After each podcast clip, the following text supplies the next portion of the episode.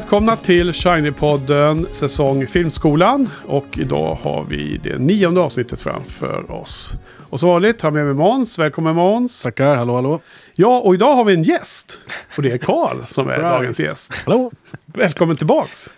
Tackar. Andra filmskoleavsnittet i rad du är här. Mm. Hintades om redan förra. Ja, just det. gången. kanske inte var en biggie som finns.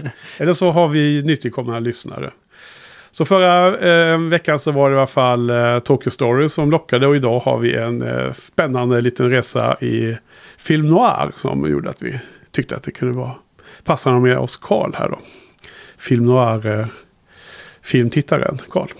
Precis. Ja. Inte ens konnässören eller... Nej, Nej, men, eh, skulle det funka med expert eller? Är du Nej. expert på? Nej, det var... Knappast. Det var, det var det jag lyckades ducka. Ja, jag lyckades ducka expert i sista sekund och så blev det något annat random. Ja, Men- snyggt ändå. Ko- Kondensör, ja men det är väl bra. Det är bättre. Eh, Så vi ska täcka in två föreläsningar med en herrans massa titlar. Därför att idag har vi för, eh, framför oss eh, följande. Vi har fyra stycken dokumentärer eh, av, av korta slaget. Ehm, och det är experiment och eh, vad var det, beskrivande film eller? Ja, dokument och experiment. Dokument, experiment. Sen har vi två stycken tv-serieavsnitt som ni har fått med och titta på, vilket är lustigt nog. Det är från eh, tv-serierna Alfred Hitchcock Presents samt tv-serien The Twilight Zone. Så det är häftigt. Och sen ska vi avsluta med en enda långfilm idag. Och det är en film noir som heter The Hitchhiker. Otroligt lång Nej, film. Nej, ofantligt kort faktiskt. exakt. 70 minuter kort.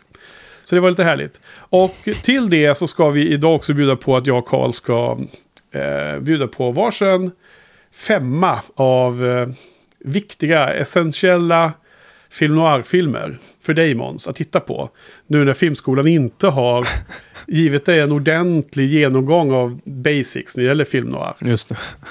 För, för nu swishar ni förbi här och något annat blev det inte än den Nej. där 70 minuters eh, filmen som vi nu ska prata om idag. Men eh, ja, det kändes lite för... Eh, Snålt. ja, eller hur Karl? Absolut. Ja. Det är ändå en av eh, eh, de bästa erorna inom eh, filmhistorien. ja. Man eh, med fördel sätter att titta på flera i rad så att man kommer in i rätt stämning och style och tempo. Och jag har mm, fem film noir-filmer. Jag är inte den största kondensören just. eh, Men jag har flera som jag har gillat bra mycket. Så jag har fem stycken, fem olika regissörer som jag ska presentera i slutet på avsnittet. Och du är också med fem. Ja. Är det fem helt andra regissörer eller har vi någon överlapp tro? Eh, vi har nog inget överlapp. Så det är lite eh, tunt mot eh, slutet av min femma. Ja, men det, det blir bra, bra tips ändå. Okej, men eh, har vi sett något annat då sen senast?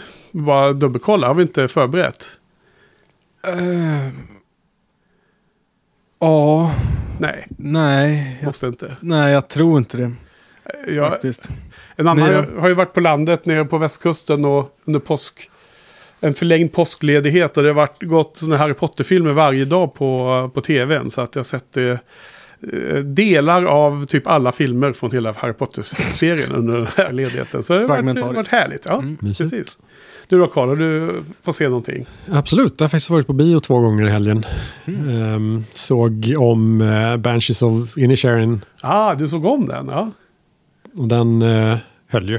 Den eh, var ju eh, 2022 års bästa film. Ja, Sen kan man se om eh, och sen såg jag Dungeons and Dragons eh, Honor Among Thieves. Åh, spännande. Jag tycker den ser så fruktansvärt dålig ut från eh, trailern. Var, var- var det rätt eller? Eh, nej, den var eh, underbar. Helt fantastisk. Eh, det verkar alla tycka. Alla som jag har hört säga något om den. Eh, man blir lite nyfiken om hur den funkar för de som inte har någon som helst relation till, eh, till eh, Dungeons and Dragons. som Är det koncept. dataspelet eller brädspelet? Ehm, ja, både och egentligen. Mhm. Så, Mm. och det, ja, den är väldigt rolig framför allt. Ja, Ja. kul. Jag kom på, jag har sett två filmer. Jag såg om Blade Runner 2049 och det är fan alltså topp tre lätt. Jag tycker den är så fel. alltså, sinnessjukt bra. Ja, Jag blev helt tagen. Och så har jag sett Rush från 2013 okej. om eh, James Hunt och eh, vad han nu heter, tysken. Den tyckte jag var superbra också. Jag vet att eh? Henke inte gillade men den där var jag också helt eh, tagen av faktiskt. Jag tyckte det var så stört snyggt gjort och Ja. storyn var ju lite sekundärt men extremt bra känsla i den filmen. ja, jag tyckte den var alldeles för safe. Det, var, det gav ingenting. Jag såg på Lite, för mycket Ron Howard. Ja, det var, det, är det han som gjort den också? Det är väl det. Ja, det är det nog. Känner Ja. igen. Ja, precis. Och då är det safe. Ja, Ja. Så det står härliga till. Men, eh, är den, safe, men jag tycker den var coolt filmad och det var en skön så här, alltså visa upp sporten på ett snyggt sätt. Och det var det jag gillade med det. Att det Mm. Coola bilder på eh, bilarna och inne i bilarna, i motorerna. Och, exakt. Så ganska cool så. Och bara härlig 70-talsstämning i hela filmen. ja. Och i hur den är filmad och klippt och så också. Till viss del. så är det till den man kan härleda eh, den F1-boomen som pågår nu. ja, kanske. precis. Inte en Netflix-serie utan Mm. den tio år gamla. Ja. Ja, nej, men kul att ni... Men de har du sett hemma eller? Ja, Förstås. Du har exakt. väl inte lyckats hitta någon biovisning, eh, Cinemateket eller något Nej. annat? Nej. nej. Precis. Eh, att du såg om eh, The Banshees of Initiering, var det, var det för att du inte hade sett den på bio och ville se den på bion eller var det något annat? skäl? Jag såg den ju på filmfestivalen. Ja, det var, just det, det gjorde du, ja. jag gick med någon som inte hade sett den. Ja, jag förstår. Okej, trivsamt. Härligt. Okej, men då ska vi komma igång här då. Och eh, vi bara kör på här. Eh, för nu ska vi börja med fyra filmer, kortfilmer, kortare filmer eh, som är eh, under föreläsning, kan repetera? Dokument. Dokument och experiment. Okej, vad sa man mer om detta? Fanns det någon mer eh, bak bakgrund om detta? Nej, jag var ju inte på föreläsningen. För jag var i du- Danmark så att jag Ah, du, var- du skolkade. liksom... Exakt. Okej. Eh, och du har inte läst eh, kapitlen ännu eller? Nej. Nej, okej, okej. Jäkla tur att du har den här podden då. Så du, du får anledning att eh, komma in och repetera. Så får jag och Karl hjälpa dig med Ja, hur vi, hur vi ska tolka det här. Men okej, vi, vi kör på bara. Vi har en eh, film som heter Nightmail. Vi börjar med den. Nightmail, hörni. Den är från 1936, så det är gammalt fortfarande. Regissören heter Harry Watt. Det är en dokumentär och den är från England. Eh, jag kan bara börja säga vad den handlar om den här gången. ja. Det är, de dokumenterar ett eh, system de hade på 30-talet där de hade ett tåg som gick från London upp till Skottland och eh, levererade post dagen efter det hade postats. Genom att eh, göra hela postprocessen på det här tåget. Så det fanns inga passagerare, bara folk i postväsendet. Så de samlar in eh, säckar längs vägen genom automatiska tekniker som det Och hänger. Jävligt coola krokar och nät och häftiga. Ja, tåget bara blåser Ja. förbi och fångar in och sen sorteras det och läggs i nya påsar och hängs ut och lämnas iväg på samma Ja. sätt åt andra hållet ut till olika små ställen i Skottland. Ja, så det var en dokument dokumentation av hur detta gick till och det var en liten film på 25 minuter. Mm. Ja, vad tycker man om detta? Jag tycker den var härlig. Jag tycker den var eh, intressant och eh, snyggt gjord. Ja, Faktiskt. Långt över förväntan. Även fast eh, du hade höjt förväntningarna lite. Hade jag Precis innan jag, så, ja, jag, hade, då? jag trodde den var så jävla osevärd. Jag var bävade. ja. Och så sa du att eh, den var härlig och spännande. Hade rapp i slutet. ja. Och då höjdes förväntningarna lite. Men ja men det var någon Ändå bisarr eh, röst som helt plötsligt, Ja. ja. voiceover, sa, sjöng en rap, en Ja. rap liksom. ja, om, det, om de här postarbetarna ju. Jag var eh, verkligen förvånad. ja verkligen. Också så här från ingenstans typ. Det var väldigt bara okommenterat. Typ. Börja med en rap. Ja, var skönt. ja. Bra Karl. Ja, det var ju spännande som filmkoncept att alltså, de som producerade den var eh, deras, eh, alltså postverkets filmunit. Mhm. Varför har postverket en filmunit? Ja. Helt Propaganda. absurt. Att just postverket, inte bara någon här generell statlig grej. Ehm, underbart. Men eh, och sen just det där att eh, dokumentera en väldigt eh, sån avancerad, väldigt komplex process som då får hela samhället att funka supersmidigt. Så ingen har en aning om att den existerar. Väldigt, väldigt coolt. Så, Ja. så som tidsdokument är man ju väldigt tacksam att den finns. Ja, precis. Hade försvunnit som eh, tårar i regnet annars.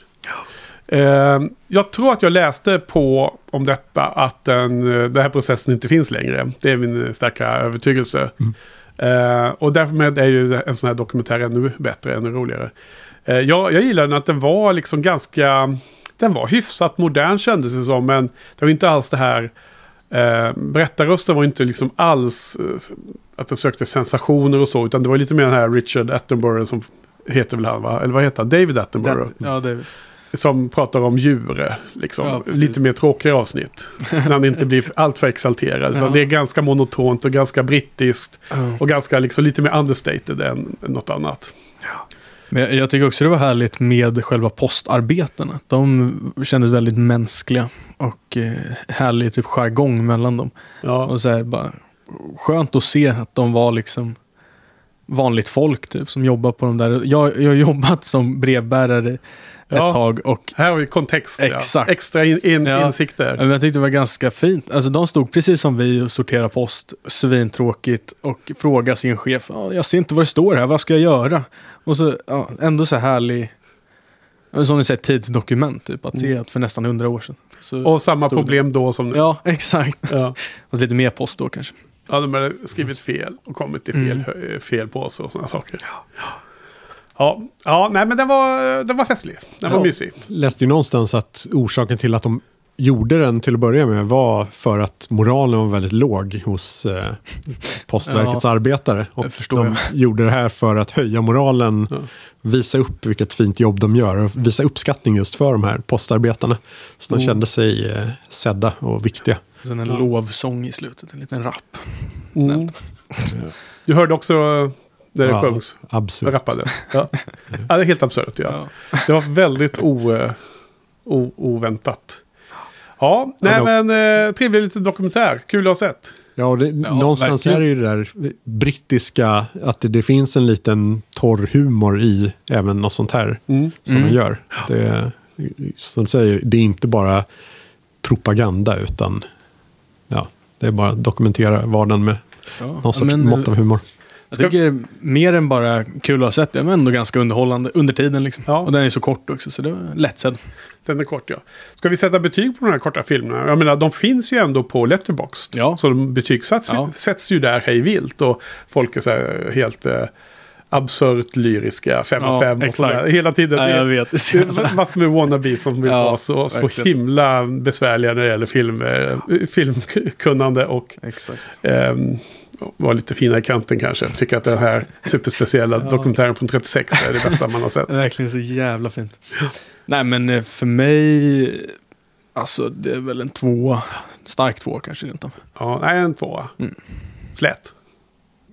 Ja, det är omöjligt att sätta betyg på, Ja. Ja. kortfilmer egentligen. Jag håller med. Det, ja, jag kommer nog sätta en tre ändå. Ja. Mm. Jag har ju min favorit eh, kortfilm som man måste jämföra allting med. Som är fe- fem av fem och då är, då är det så långt ifrån. Så att det får vi ta en annan gång. Just det. Hong Sang-soo. Nej. Nej. Har han gjort kortfilm? Ja, det är hans eh, tackfilm eh, för eh, när han vann Guldbjörnen i, i Berlin häromåret. Aha. Gjorde han ju två minuters eh, film om en snigel. som- Fem av fem. Nej, nej, det här är, Ja, nej, det är riktigt. Den heter World of Tomorrow. eh, Det är ju han eh, animatören som jag glömt namnet på nu. Så att jag får skämmas. Man, det får Ja. man googla upp. Ja. Okej, men på tal om propaganda. Vi går vidare nu, för vi har många punkter på dagens podd. Vi går vidare nu till 1939 och går över eh, Jump Over the Pond till eh, eh, Amerikat. Och då har vi en eh, propagandafilm som heter The City. Och den är gjord av Ralph Steiner. Det är en dokumentär. Och den är 43 minuter lång. Mm. Och jag tror du Karl hade lite koll på bakgrunden här va? Eller hur var det? Nej, Nej, vi hade koll tillsammans. ni hade bättre koll. Okej, eh, vill någon presentera den? Vad är det för något? The City. Eh, Det är en fyradelad liten dokumentär eh, som börjar med industrisamhället, eller inte industrisamhället, eh, jordbrukssamhället. Visar lite hur det är. Sen industrisamhället, sen storstad och till sist eh, som någon slags video-essay lägger fram ett förslag på den ideala staden där alla människor kan fungera harmoniskt med maskiner och alla kan trivas och så vidare. Någon slags ideologisk Ja, Essä, typ. eh, någon slags... i Eh, filmform. Upplevde jag det som. ja, eller ja, inlaga i stadsplanering och sådana Mm, frågor va? ja, exakt. Men jag tror att jag läste att den är liksom väldigt ideologisk bara. Det var aldrig något... Det, det är liksom inte ett, ett faktiskt förslag egentligen. Eh, det, jag tror inte det har byggts. Ja, lite... mm, Ja, det, Att, att det liksom, just eh, de där, jag tror inte han, jag tror inte han jobbade som eh, liksom stats... nej, för det lustiga är ju att direkt. eh, förslaget och det den kommer fram till är ju att det är mycket bättre med eh, fin, fina, välartade, välbyggda förorter. Mm. Och där man kan bo närmare naturen och, och inte få nackdelen av att bo i en storstad med Eh, vad var det? De visade så här bilköer på Manhattan Exakt. och sånt. När det var det här storstadsboendet. Ehm, och jag menar, väldigt många eh, stora städer i USA har ju bara förorter. Mm. Liksom, det är ju bara förorter. Så det känns ju som att det absolut byggts. Ja, exakt det här exakt. som de beskriver. Så att, Sant, men, men jag, ja, jag tog, alltså han sa ju att man skulle bygga liksom små, liksom koncentrerade, eller så här, vad, Ja. säger jag, independent, små samhällen. ja, det, det, Ja, och det, precis, det var lite nytt, kände jag. Lite att det skulle vara som att man, alla kunde gå in till sitt jobb, alla skulle bo precis där de jobbade. Ja, det är himla fascinerande för det kom ju sen på 60-talet egentligen med ABC-städer. Ja, Eh, städer. ja verkligen. Jag tänkte mycket på det också. De här. Att man då ska ha små satellitstäder där allt Mm. finns på samma ställe. Och då kom ju vallfärdade folk till Vällingby för att se hur man kunde bygga. mm. Eh, Vad stod ABC-samhällen för? arbete, bostäder, centrum. Mm. Så att man har allt samlat eh, i en unit. Men eh, samtidigt så eh, är ju den här filmen känns ju som en ren lögn på det sättet att det här arbetet man ska utföra är ju helt utopiskt frikopplat från allt det som drev mot de här stora städerna. Hela, liksom, hela ekonomin som har drivit dit det med industrialism och allting. Så det är ju oklart var någonstans det är de här glada, lyckliga människorna ska jobba någonstans. Ja, verkligen. Alltså, för jag fick nästan lite viben av när de landade i den här idylliska förorten. Att det var lite så här Truman Show-värld som man såg. Absolut, Ja. absolut. Är det så här, Att den var liksom inkaps, inkapslad i en, eh, under en glaskupol eller något sånt där. Så att det var lite så. Alltså, den första delen var ju som, som vi sa här, snackade lite innan, att det var lite mer så här, eh, vad heter det? Lilla huset på prärien-stylen. Liksom. Barnen var ute och lekte vid, vid bäcken och pappan gick och, med hästen eller kossan eller vad och, och, och liksom jobba med jorden och sådär. Ändå Alltså, slitsamt. slitsamt, men jobba med sin Men, åker eh, och sånt. harmoniskt. Då. Ja, liksom Vackert det var och små. fint. Ja. De sa, berättar väl just det där att ja visst det är slitsamt men det är ju Ja. gjort med glädje så det känns inte ens som ett arbete. Ja, men det var väldigt idylliskt var ju feelingen. Verkligen. För sen- kastas man in i ett rent helvete. För då är det den här Pittsburgh-delen. Usch. Där det är de stora stålindustrierna, koldrivet, det, det är bolmar med svartrök hela Ja, tiden. barnen lekte på järnvägsspåren typ. Ja. Och, de, och de sa att oh, the river is poison and the ground is poison. Ja, och Fan vad hemskt alltså. framförallt att det var så giftigt i floden och allt Ja. det hemska. Det här mm, floden som, gick ut, som går ut i Ohio som började brinna var det någon gång på 70-talet. Det var, nu, nu är de ju renat den jättemycket så det går att bada i den tydligen igen. Men, men det var ju så lustigt för där fick man se hur de bodde också. Och det såg ut som en sån här kåk, eh, så förort till Rio va. Det såg verkligen ut som eh, Hell on Earth. Så jag, jag tror alltså, de, de eh, skruvar ju till alla bilderna väldigt mycket för att få fram Mm. att den fjärde sista alternativet är det bra. För sen tredje delen så kommer vi in på Manhattan och då är det ju eh, hemska stora höghus som byggs och det är de här stålbalkarna. Alltså och, extremt mycket folk och massa bilar. ja, och, Folk sitter i kontorslandskap. Ja, Helt själlöst. omänskligt. Ja, men det gör man ju nu. Så det, det var ganska realistiskt. Ja, jo. Eller hur? Ja, Verkligen. absolut. Det var precis som man kände igen sig. Ja, Och Alla bilarna kommer alla bara stå helt still åt alla håll. Och så kommer en ambulans och försöker komma fram. Eller om det var en eh, brandkår, kommer inte Mm. ihåg. Det visar på hur dåligt allt var. Ja, precis. Men också är det fascinerande ehm, ändå filmtekniskt. Det blev lite som i Koyaanisqatsi. Eh, någon sådär, Jag har inte sett bara- dem där. Vad, vad är det? nej.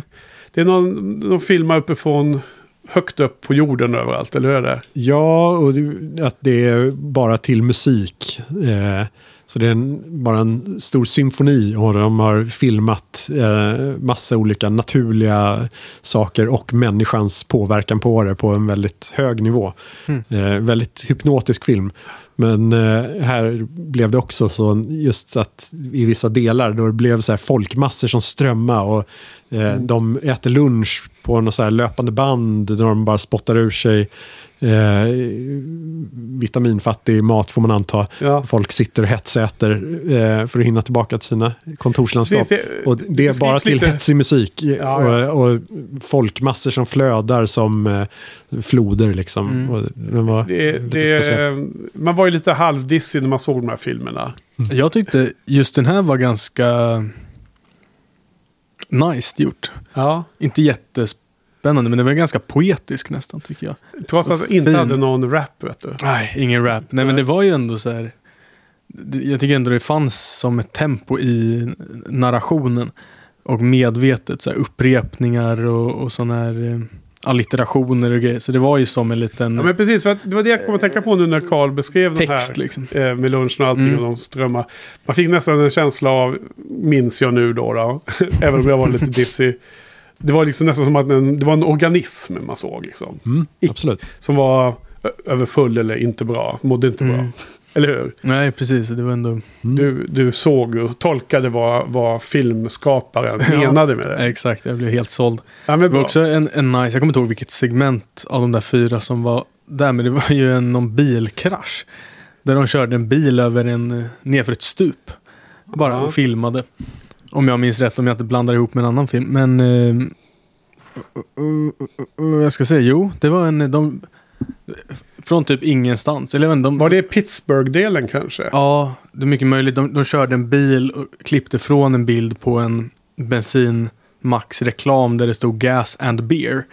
Till, Ja. till att bilen flög över ett stup och bara sprängdes typ. Jag, förmodligen inte med flit, att, liksom, men den läsningen att Kanske min sån- hjärna valde att ta en mikrosömn driving. just då. ja, ja, men eller jag var faktiskt lite eh, urkopplad precis innan den också. Så, så, en bilkrasch! Mm. Ganska coolt. Ja.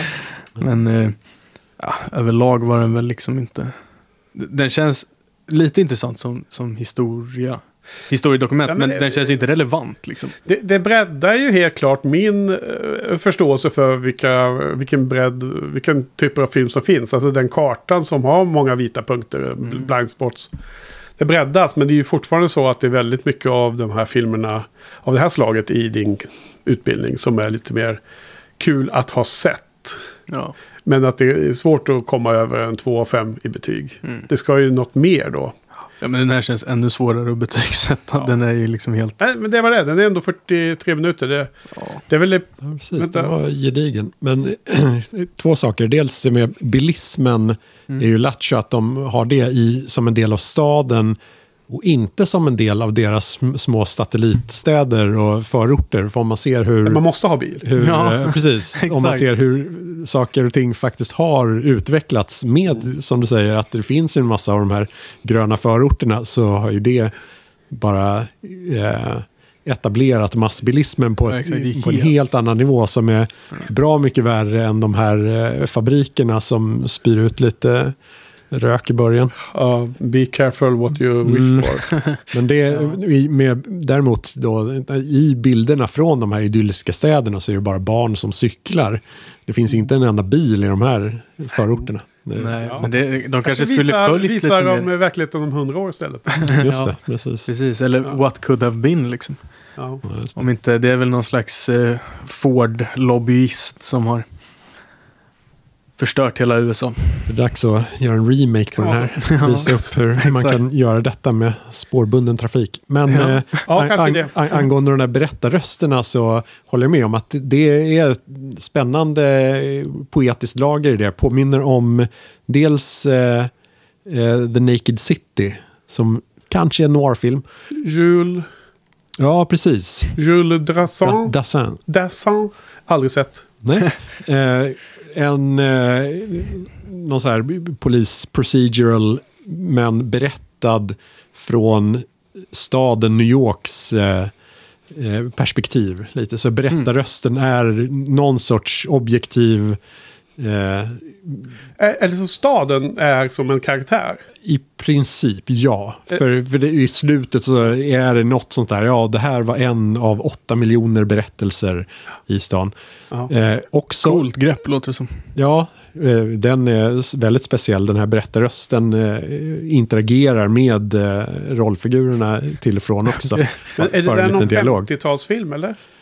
Det kan det nog mycket väl vara. Det låter inte så här jätteseriös, eller? 48 förresten. Ja. 48. Men det är väl en eh, superseriös film tror jag.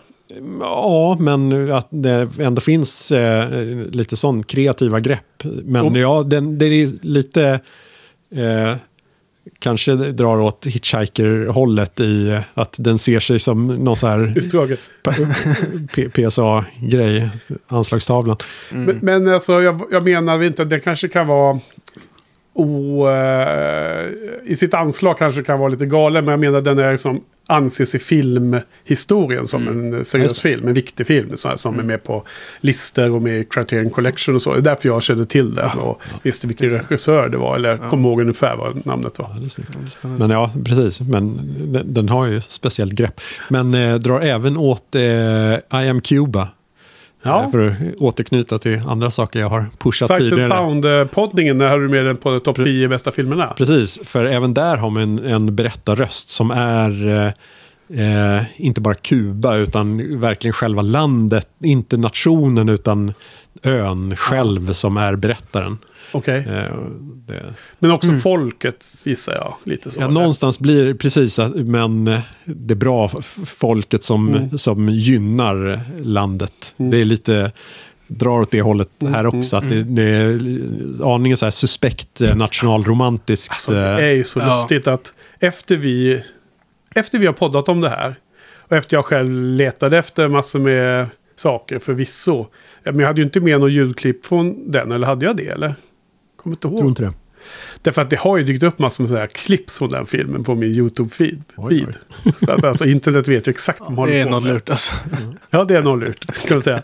Men Ja. du, ehm, Nej, men intressant. Jag, ty- det, I'm Cuba är ju också en stark propaganda. Och det här kanske också ja. kan ses som en propaganda, The City. mm. Vill Ja. ni ha det som en propaganda? Ja, men som, alltså, om man ser den kopplingen där. Jag, jag tycker inte att den var ju alltså, alldeles för oövertalande för att vara propaganda, tycker jag. Den var, Du menar att den, den var ju så ineffektiv. alltså, är det propaganda så är det väldigt dålig propaganda. Eller gammal, Men- det är alltså ja, eller, eller gammal, ja. 39 är det. Ja, Hur, Sant, och I'm men, Cuba är 60-tal va? Ja. Så man lär sig också. Men Mm. eh, jag menar, vilken är den bättre propagandafilmen? Det var det jag skulle komma till. Du, du, du tror inte att den här funkade ens på 30-talet eller? alltså om man ser, typ vadå, Hitler hade väl ganska effektiv propaganda på den tiden. Ja. Det fanns, de hade väl, konceptet var ju uppfunnet liksom. Jag tycker Ja. den här är lite, den, den är ganska luddig. Det här känns som typ, alltså min, alltså om, om man ser det som någon slags ideologisk liksom, typ att det här, vi vill ha det så här, det här är idealet, så tycker jag att den var ganska typ outvecklad.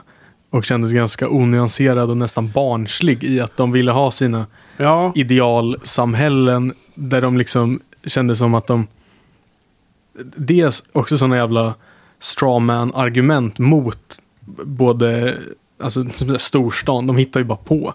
Typ. Och vinklade det så jävla märk, eller inte hitta på, men, men vinklade det så märkbart att det kändes liksom det kändes som eh, 16-åringar som har kommit på hur, exakt hur allting ska vara. Mm.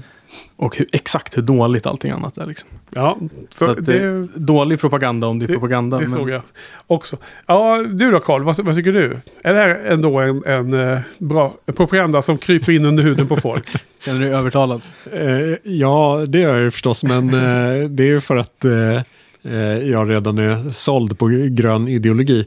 Eh, men eh, nej, den är ju jätteoövertygande på det sättet. Alltså det, man, det känns ju som att det finns jättestora luckor i deras argumentation. Ja, det var precis det var Jag det, inte. det var det jag reagerade lite på när du, när du Måns sa att den var så övertydlig. För jag tycker att de liksom... De, en av luckorna är liksom att de aldrig riktigt klargör vad de egentligen vill, tycker Nej, jag. De, de, de liksom lägger inte fram något slags förslag som de sen ska bevisa. Så den typen av propaganda är det inte, utan de, de visar liksom... Som jag då tyckte att den där idylliska bondesamhället var ju mer på positiva sidan. Alltså det första jag kom att tänka på var ju Lilla huset på prärien som är liksom någon slags propaganda för eh, historiskt Ja. ja. rosa skimmer på hur bra det var förr i tiden. Och sen var det då två super, eller en framförallt superhemsk sektion och det var ju eh, industrialiseringen och Pittsburgh. Åh, usch, Det var det var hemskt. tungt. Oh, Det var liksom som Moria. ja, alla verkligen. När alla Ja. höll på och byggde saker ner i sina, Ja. I sina Fan. liksom, smedjor och så. Mm. Och sen var det liksom, Manhattan var väl ganska okej, men ja. Det liksom, tyckte jag representerar någonting som man själv har sett. Mm. Så det kändes inte lika, varken hotfullt eller bra. Nej. Det var mer neutralt. Och sen fick jag aldrig riktigt, förrän efterhand fick jag koll på att det var en propagandafilm. Ja. Först men var det bara som att de, de bara presenterade olika saker och sen bara kom det någonting där Ja. med en ofärdig för, förort. Mm. Och så var det bara slut. Ja. Så de missar ju att, att säga till mig i alla fall så här, det är det här vi ska ha. Ja, Därför att. Exakt, jag håller verkligen med. Jag, jag, jag, om, du, om du hörde fel på oövertygande, inte övertydlig. För det tyckte jag verkligen inte att den var. Jag håller verkligen med om att Ah, den ja, var. oövertygande. Ja. Ja. men då tog jag helt fel. Ja, Ja, 180 exakt. grader fel. Ja, verkligen. Jag tänkte bara att jag håller verkligen med dig. att Mm. Den var ju sjukt luddig och Ja. så här, inte alls eh, tydlig i någonting. Nej, men då gissar jag att I am Cuba är mer effektiv i sitt syfte. Ja, ja precis. Då så. Där. Då har vi rätt ut det. Ja, eh, ska vi gå vidare eller? Vi, ska vi Ja. gå vidare? Vi har, vi har sagt det man kan säga om Ja, snabbt betyg. Jag tycker ändå det var en, också, ja. en eh, tvåa just för att berätta rösten tycker jag var ganska härlig. Eh, Men det är två för mig också för att som sagt det är en breddning av ens eh, filmerfarenhet. Men eh, superbra var det ju inte. Jo, men det var det ju en fyra skulle jag eh, sätta. Oj, oj, oj. Men eh, jag har ju läst samhällsplanering också och eh, tycker att det är himla fascinerande. Nära hjärtat. Ja, Så ja, precis. ja men det var ju, härligt. det var ju mer än vad jag visste. Vi fick lite extra kontext där. Just. Det är som Måns som gamla eh, post, eh, postmannen-jobb Exakt. i, i, i bakgrunden Mm. förra filmen. Ja, men det kan man förstå. Men sen är det också en special med kortfilmer måste man ändå säga. Det är ju ingenting som jag Mm. normalt sett ser så himla mycket av. Så att jag tror att man skulle kunna bli, eh, man skulle få mycket mer range om vi kunde hitta rätt i betygen om man skulle sett mer.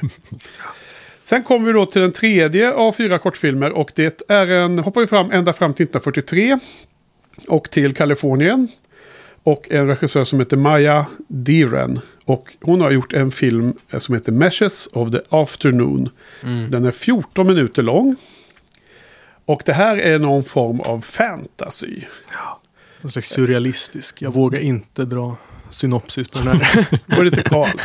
ja. Eh, ja, det är en kvinna som eh, brottas med någon sorts eh, inre demoner kanske. Ja, Eh, väldigt eh, mycket lynchkänsla, eller hur? Verkligen. Känns lite Lost Highway. eh. det här känns verkligen som att David Lynch har tittat på många Ja. gånger. Mm. Och eh, ja, precis. Väldigt, väldigt surrealistisk. Är no- Cirkulärt narrativ och någon drömvärld. Och... Precis, det är drömvärld och och det repeteras också vad som sker. Och Mm. det blir olika eh, resultat. Eller hon, hon kommer ju hem och det är något med en nyckel. Hon kommer in och det händer saker. Och sen, kom, sen är hon i drömvärld och sen kommer hon igen hem. Ja, Och med nyckeln och titta allting. ner på sig själv när hon gick därifrån. Väldigt udda. Ja, men det är Och- David Lynch Exakt, 100%. exakt. Och sån här absurd, liksom obegriplig symbolik. Som Ja. man känner att det, det kanske finns något där, men jag har ingen aning om vad det Ja, är. men det var helt, Liksom. un- helt underbart. Var Ja, det. jag håller med, det var verkligen... eh, Ja, det var verkligen eh, fånga, fånga mardrömskänsla. himla, Ja. himla fint. Ja. Ja, det här var ju fascinerande och, och 14 minuter kändes inte specifikt, eller vad säger speciellt kort. Nej, Och det var inte långt heller uppenbarligen. Men det kändes som att man drogs in i en värld så, så att tiden slutade eh, gå. Alltså man blev verkligen indragen i den här lilla kortfilmen. I mitt fall. mm, Håller ni med? Ja, Och, och så, så kommer jag ihåg att jag ja, men kollade, då, för jag kollade den på, min, på resan här då ner. Så jag hade den laddat, eh, lagt, ö- lagt över den på paddan. Nej, men eh, innan, ja, i, eh, innan man skulle släcka för kvällen. Jag kollade en, en sån här kortfilm per kväll. Mm. För att liksom beta av dem så det inte skulle bli för många här sista kvällen. Eh, och då så eh, kollade jag på skärmen så här, dutta för att se hur mycket som var kvar. Då var det liksom typ en halv minut kvar. Så att det hade verkligen varit... ja men det var det, lagom. det hade väldigt plötsligt slut också. Jag kommer inte ihåg vad som hände i sista scenen, men det bara tog slut tyckte jag. Det vill man inte spoila. Nej, Nej. nej. vi, Nej. låt oss säga det så. Ja, men det känns nästan som att, de, att det bara tog slut med, på film eller något sånt där. Ja, typ. Ja, den har, hade väl ett ganska... Jag tycker inte Men det var ett deprimerande slut. Ja, Ja, verkligen. det kan man väl säga. Ja, precis. Men det var ja. Ja, men det fanns ett slut. Så, så att jag ska rätta mig så att eh, lyssnarna blir, eh, får fel info här. Men jag tycker den var jävligt... eh, alltså, jävligt cool. Bara Ja. snygga bilder snygga, så här, kreativ. Och eh, den kändes liksom... Eller jag har jättedålig koll på den där tidens filmer. Ja. Men den kändes ändå för mig före sin tid lite i Absolut. hur den är gjord. Det liksom. tror jag. Ja. Det här kändes mer som 60-tal eller senare Mm. i själva stil och berättar, eh, liksom feeling i berättarteknik. Eh, det var ju från 43, så det är mitt under andra världskriget. Det var i Los Angeles och det, jag tror att det var i Beverly Hills någonstans. För det var ett supernice hus som bodde i alla fall. Mm, såg ut som eh, adress. Rivieran nästan. Ja, Tyckte precis. jag. Jag fick lite franska Eh, det här att de har vibes. byggt eh, längs vägen slingrar sig uppåt i, eh, upp till entrén till huset så var de som byggt en eh, murat en vägg och sen fått det liksom att se utomhus som Mm. att det var byggt allting nästan. Ja, coolt. Snygga och jävligt coola. Alltså den här märkliga figuren med, med spegeln som ansikte. Den tyckte jag var häftig. Och all, alla, de- all den här symboliken som, som Mm. sagt, jag, kan, alltså jag, jag kollade på den med eh, Ylva som jag går på filmkursen med. Och försökte ha lite eftersnack. Jaha. Försökte liksom komma fram till vad är det de vill säga, vad är det som händer, vad är liksom vad är det symboliserar? Vi kom inte fram till något Nej. riktigt. Det var så här, det kan vara det här, men det kan också vara det här, det kan vara, det kan vara det här, det kan vara det här. Någon slags, alltså alla tolkningar var ju ganska depressiva. Det, det är liksom, Det är någon, någon form av psykisk uh, illness. ja, ja, men typ tror någon slags inre krig och så här, identi, identitetssökning och konst. Så här, Ja. oklart, men eh, något, något fanns det. ja, något var det ju säkert. Vad, vad tror du Karl att det handlade om i kärnan? Ja, nej, precis. en precis mening. vad, nej, men eh, är precis vad ni snackar om. Någon eh, sån eh, mm, lite depression och Ja, självmordstankar. Och identitetsstörningar. Ja. Och jag håller med. Den, alltså, den figuren med bara en spegel som ansikte är väldigt, väldigt eh, effektiv, suggestiv och bisarr att den inte har använts eh, fler gånger. Jag håller med. Alltså det är någon, eh, jag tror att det är någon trickfilmning. Det, det, är inte, det är väl inte en praktisk effekt va? Såg det ut som. Eller? Jag tyckte det var svårt för Alltså, hon har hade ju någon slags huva och jag känner att Och så vrider sig personen om och då ser man att det bara är en... Det blänker som Mm. från en spegel i det ansiktet skulle varit va? Ja, exakt. Ja, jag kommer inte ihåg nu faktiskt, men du har kanske rätt. För jag minns inte att man såg någon tydlig reflektion. Nej, jag- Det var bara ett, ett blänkande, så det kan vara att de har klippt hål i filmen. Ehm, Kanske. det, det, det är lite som det där när man ser folk som åker i bil som i Bonnie and Clyde och som klippte Ja. in hur det ser ut utanför i Mm. fönsterrutan. Så fick jag en vibe av att den här scenen var gjord. Men eller vad tror du Mm. Karl? Var det en, prakt- hade, det- var det en spegel framför ett ansikte under en Det huva? tror jag att det var. Jag Ja. tror Ja. inte att eh, de hade resurserna Nej. att göra dem avancerat. Nej, det, det är svårt. Väldigt- Det var väldigt svårt att se. Det, det var inte en k- super k- crisp eh, kopia jag såg. Det var ju liksom lite så här brusartefakter i bilden. Det var ju svartvitt förstås, men det var ju hyfsat bra. Men det var inte dåligt på något sätt, men det var inte det här super... Det var inte någon Blu-ray. det var ju en väldigt kort eh, Ja. sekvens också. Bara vände upp. Men jag tycker den var jävligt snygg. Någon Ja. så här slow motion och gick upp för trappan och filmade hennes skor bara. Ja. Det tyckte jag var ganska cool. Lite eh, in the mood for love cinematografi där. ja, det fångar det. Eh, nej, men jag, jag, jag tyckte det var ganska oroväckande mestadels. Du, du jämförde med Lost Highway. Mm. finns ju den där skrämmande scenen med telefonsamtalet. Mm. Eh, och de där, ja, du, det, de, de som har sett den här filmen vet att det finns en äcklig scen. Va? Någon Inte en- sett, ensam men ska hemma. se så ni får inte säga för mycket nu. Ja.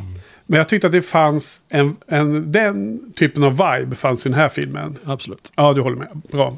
Då är de eh, Lost Highway-fansen vet. Ja, de som vet, de vet. Ehm, ja, och sen gjorde hon det här tillsammans med sin man tror jag. Och jag tror att de har gjort fler sådana här um, surrealistiska filmer. Så att det går väl att leta fram om man vill eh, det. Uh, Maja Deeren. Mm, Maja. Bara, bara kortfilmer va? M-A-I-A.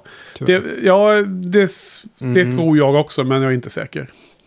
Känns ju verkligen som att det inte fanns något utrymme för att göra något större Nej. På den, den tiden. Eller jag vet inte om det fanns en indie-scen som har eh, försvunnit med tiden. Mm. Ja, precis. Eh, vi såg ju en tidig, en stumfilm som var så här eh, surrealistisk. Kommer du ihåg det han med eh, Mm. översten, nej prästen The som var... Seashell and the Clergyman. Ja, eh, Vad den heter Eh, på franska. Precis. Den menade jag. Men jag tyckte att det här var mycket bättre. Det var liksom Mm. lika förvirrande, men mycket bättre. och Mycket mer... Mer koncist. Ja, men det och, hängde ihop eh, på något sätt. Ja, jag håller med. att de, Det känns som de hade liksom bara några grepp i den här filmen. Eller inte grepp, men liksom att det var de här tre grejerna, man ska säga. Så körde de det i 17 minuter, eller vad det nu var. Ja. Men den där eh, andra, den var ju bara helt spretig. Eller den var ju, den kändes så jävla, ja. den var bara lång och konstig. Udda hela tiden.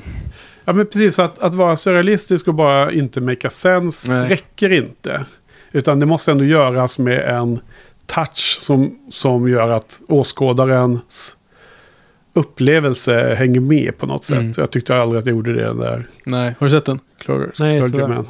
Nej, det, Ja. ja. den var, jag tycker den var ganska snygg. Liksom. Men den, man skulle kunna ha den på i bakgrunden om man hade någon stor projektor. Liksom, Ja. Som finns som Nej, bara jag kan var gå. i- inte ett stort fan av den filmen. Tror jag. Okej, eh, men vad kan vi säga om den här då? Eh, jag skulle nog eh, sträcka mig till en stark trea på en sån här film. Mm. Ja, fyra för mig. Jag tycker den var svincool. Mm. Ja, den är lite för kort. Alltså man vill ju ha mer. Jag vill se den i långfilmsformat. Också med någon handling då, eller? Ja, ja precis. Mm. Då blir det Lost Highway typ. Ja, exakt. exakt. Jag tänkte precis säga Ja. det. Lynch har en hel bibliografi. Eller någon Guy Film. Madden-film. Ehm, ja, så det är tre och en halv. Mm. Bra. Eh, då har vi en kortfilm kvar innan vi ska byta, eh, byta till tv-serieavsnitt som ni har fått se här på filmkurser, Mm. vilket är lustigt i sig. Så då har vi hoppat fram till 1955. Och då är det en liten film som är bara sex minuter lång Mm. och som olyckligtvis var helt tyst. Eh, Den heter The Wonder Ring. The Wonder Ring. Och den är gjord av den här, som jag tror, väldigt kända dokumentärfilmen som heter Stan Brackhage.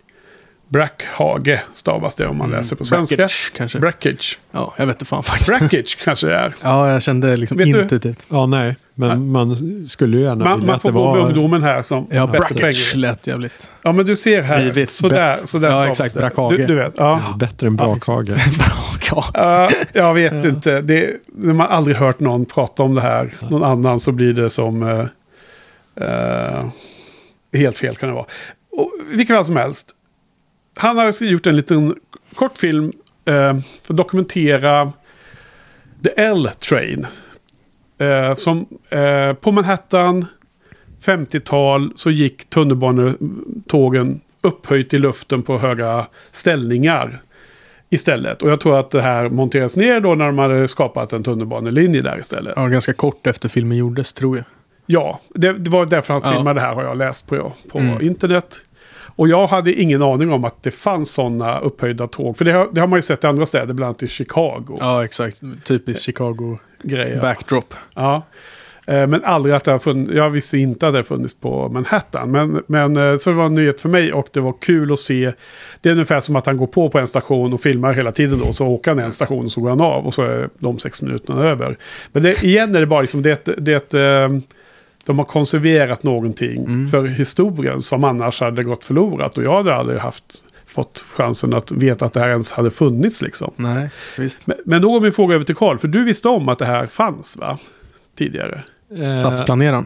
Ja, nej, nej, eh, nej, precis. När jag nämnde eh, DL så var det Chicago-tåget jag refererade till. Ja men, det, ja, det här, ja, men då är det ett samlingsnamn för den här typen av... Elevated tror jag. Ja, Kanske det ja, för. ja, Eller? det Ja, måste det det är. ju vara såklart. För jag trodde att du refererade Ja, till den här specifika linjen. Nej. Eh, Och blev lite imponerad.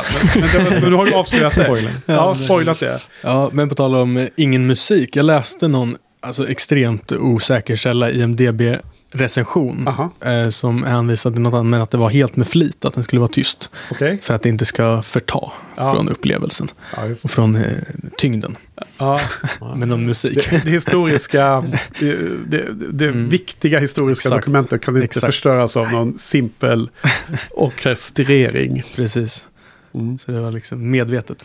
Men eh, njöt du mycket av den här... Eh, är du tågälskare? Eh, älskare? Tågfetisch? Nej, det skulle jag inte säga. Jag tycker det är ganska tråkigt att åka tåg. Jag har åkt ganska mycket tåg i mina dagar. Åker mycket tunnelbana. Jag tycker det är trist nu dock att de ska fasa ut de här gamla 60-talsvagnarna i tunnelbanan. Som är oerhört högljudda när man sitter där inne. Men som är extremt charmiga i utseendet tycker jag. Ja. Med sina bruna fula säten och Nej, inte- schyssta plast. Orangea väggar. Ja, Känns exakt. inte som att jag skulle gråta jättemycket om dem. Nej, nej exakt. Ni har ju...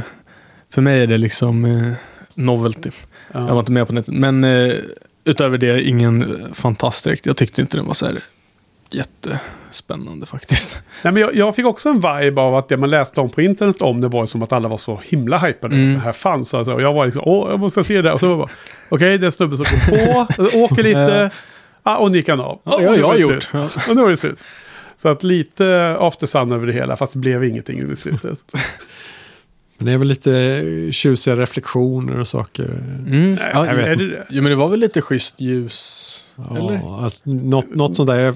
Man, man, man, man ser vill. suddig... Något man ska säga. Man, man ser som ett huvud, ett ansikte från någon som sitter och filmar i glasrutan. är det det? Oklart. Ja. Eh, nej, men eh, ehm, alltså när man är på Spårvägsmuseet kan man ju bli sittande eh, precis med vid sådana här filmer. Bara Jaha. åka runt, oh så här såg det ut. Ja. Då åkte fyran på spår. Ja. Eh, fantastiskt att se, ja det är ungefär samma dragning som idag. Ja. Eh, mycket fascinerande. Eh, men man vill ju se den i kontext kanske. Så ifall, man, eh, ifall de har ett spårvägsmuseum i New York så skulle jag Mm. vilja se den Ja, där. Då får man läsa på först. För det var ju ingen så här... Som dokumentär så... Visst är det inte eh, alltid nice med att ha en eh, voiceover som förklarar allting. Men här hade ju faktiskt... Make sense tycker jag. Att förklara kontexten, historiska. Ja, kanske, men hur... Det är för Ja, kort. sant. Hade, exakt, hade de hun- hunnit säga något på sex minuter? Liksom, då hade man Kanske, kanske... Det kanske kan vara nio minuter. sant. Ja. Ja, nej, men, Men man ja, borde ju förstå redan då 55 att ja visst det är väl bra de som tittar på det i år. Eh, Ja, de fattar. Men, ja, de fattar.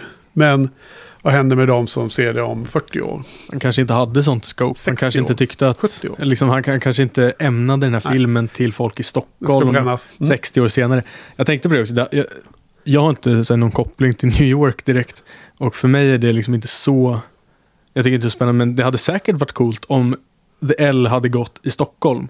Och den Men blåa så- linjen hade gått över marken. Då hade det kanske varit lite spännande att se i sex minuter. Men just det här var liksom Ja. inte... Men inte heller den klon tyckte jag att han fick in. För jag fick ju aldrig en känsla av att man kunde se var i stan man var ens. Nej, Nej. det är precis. Så det kan ju vara var som helst. Den skulle kunna vara filmad i eh, Chicago. Chicago. Ja. Ja. man skulle aldrig veta. Det här, det här gick tydligen över Third Avenue. Läste man sig till. Ja, soft ja. Precis, så eh, vad kan vi säga om det här då? Men, eh, en, en kommentar först. Eh, jag då som ofta refererar till Criterion Collection för jag har haft koll på den under fram till för många år sedan nu då. Men de första många hundra eh, numren i deras eh, serie av eh, viktig film som de gör specialutgåvor av som är nu över, långt över tusen, långt över 11-1200. Jag kanske följde den här eh, serien upp till 500-600 första. Men den finns i alla fall eh, på Criterion Collection här. Eh, och det är en, alltså för den här Stan Brackage. Brackage. Kanske. Ja. En dubbeldisk är det ett, en, en eh, utgåva och en andra utgåva som är volym 2 som är en trippeldisk. Mhm. Så jäkla massa Vad- kortfilmer han har gjort. Ja, ja, med hela... Han är ja, dokumentärfilmare. ja. Så här från Criterion, Criterion Collection nummer 517. Första disken ligger den här filmen på. Okej, ska man plöja alla hans Kan man titta på eh, olika kortfilmer. tågresor? Ja, men jag, nej, jag tror det är högst osäkert om han bara är intresserad av tåg. Jag tror att han är en dokumentärfilmare generellt sett. Men tydligen så gjorde han ofta tysta. Oftast utan ljud. Vilket känns trist. Om man vill se måste man sätta på ett album. på The Cure. Ja, The Cure ja. Precis. Disintegration. Ja. Exakt. Ja. Alltid. Okej, vad har vi för någon betyg på sån här då? Du får börja Karl. Eh, knappt en två. Svag tvåa. Ja. Ett och en halv. Ja, det känns så snålt. Ja. Men det var ju så kort också. Det är ju liksom ingen stor uppoffring att se den. Så att jag, Vad säger du då? ja, men jag säger tvåa för att sevärd i och med att det tar ju liksom... Ja, ja, jag, jag, jag säger att jag blev ganska besviken efter att ha läst lite om det innan och fick den där, eh, de här wannabe eh, film, Exakt. eh, film, på Letterboxd. Så trodde jag att det skulle vara något häftigare, så jag säger också en stark etta. Bra, men då har vi kommit in... Ja, vi har kört ett tag redan. Då har vi kommit in på avdelningen att vi ska prata lite om två olika tv-serier som ni har eh, fått titta på. Så ni avslutade den eh, föreläsningen då, eller den eh, tittningen då när du var i Köpenhamn. Med en, eh, ett avsnitt från tv-serien eh, Alfred Hitchcock Presents. Och då var det det första avsnittet från den första säsongen. Så allra första avsnittet där och det heter Revenge. Och det är så roligt här att det här dök upp på listan. För att jag menar, jag och eh, Frans hade ju en eh, flera säsonger lång genomgång av nästan alla Alfred Hitchcock-filmer. Och även Joel var med under sista tredjedelen.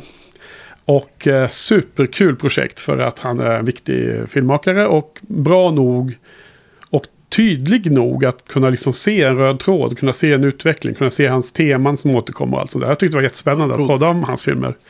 Och, eh, men jag har liksom eh, inte riktigt tittat så mycket på den här tv-serien som, som han då körde eh, under lång tid. Det är många, många säsonger här. Alfred Hitchcock Presents.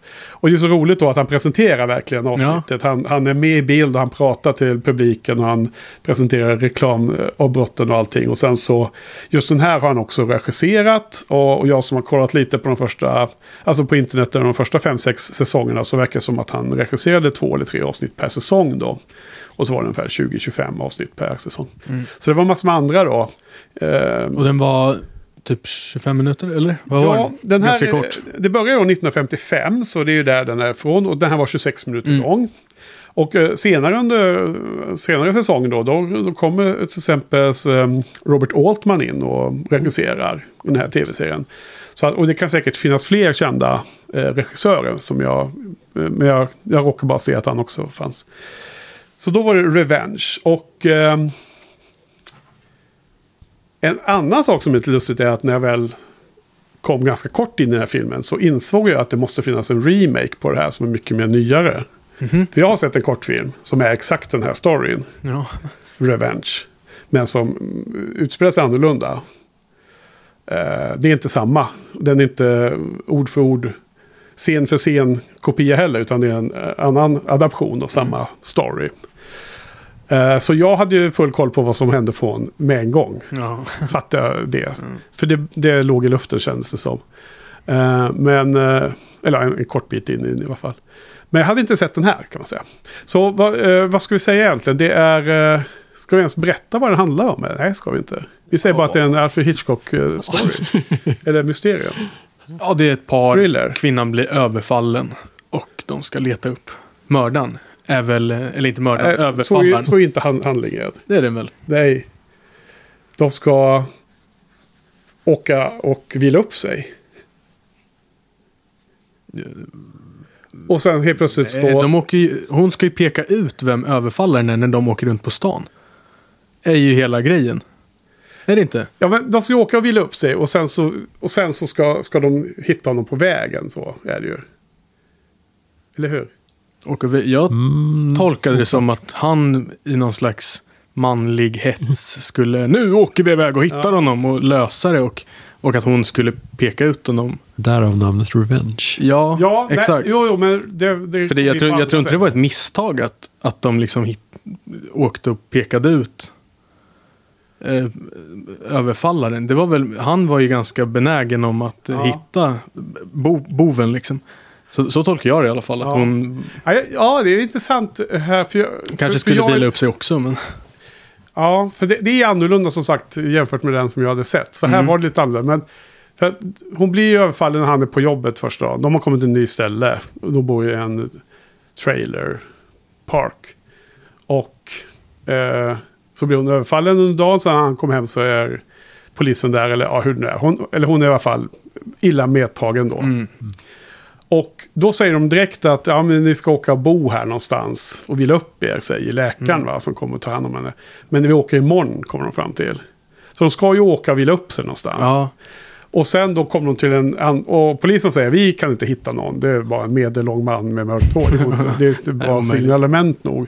Så kommer de till en annan stad eller en by eller längs kusten eller något sånt där. För en känsla av. Och där säger de att de ska åka och leta lite. Men som väntar på hotellet ungefär. Det var så Mm. jag uppfattade det. ja.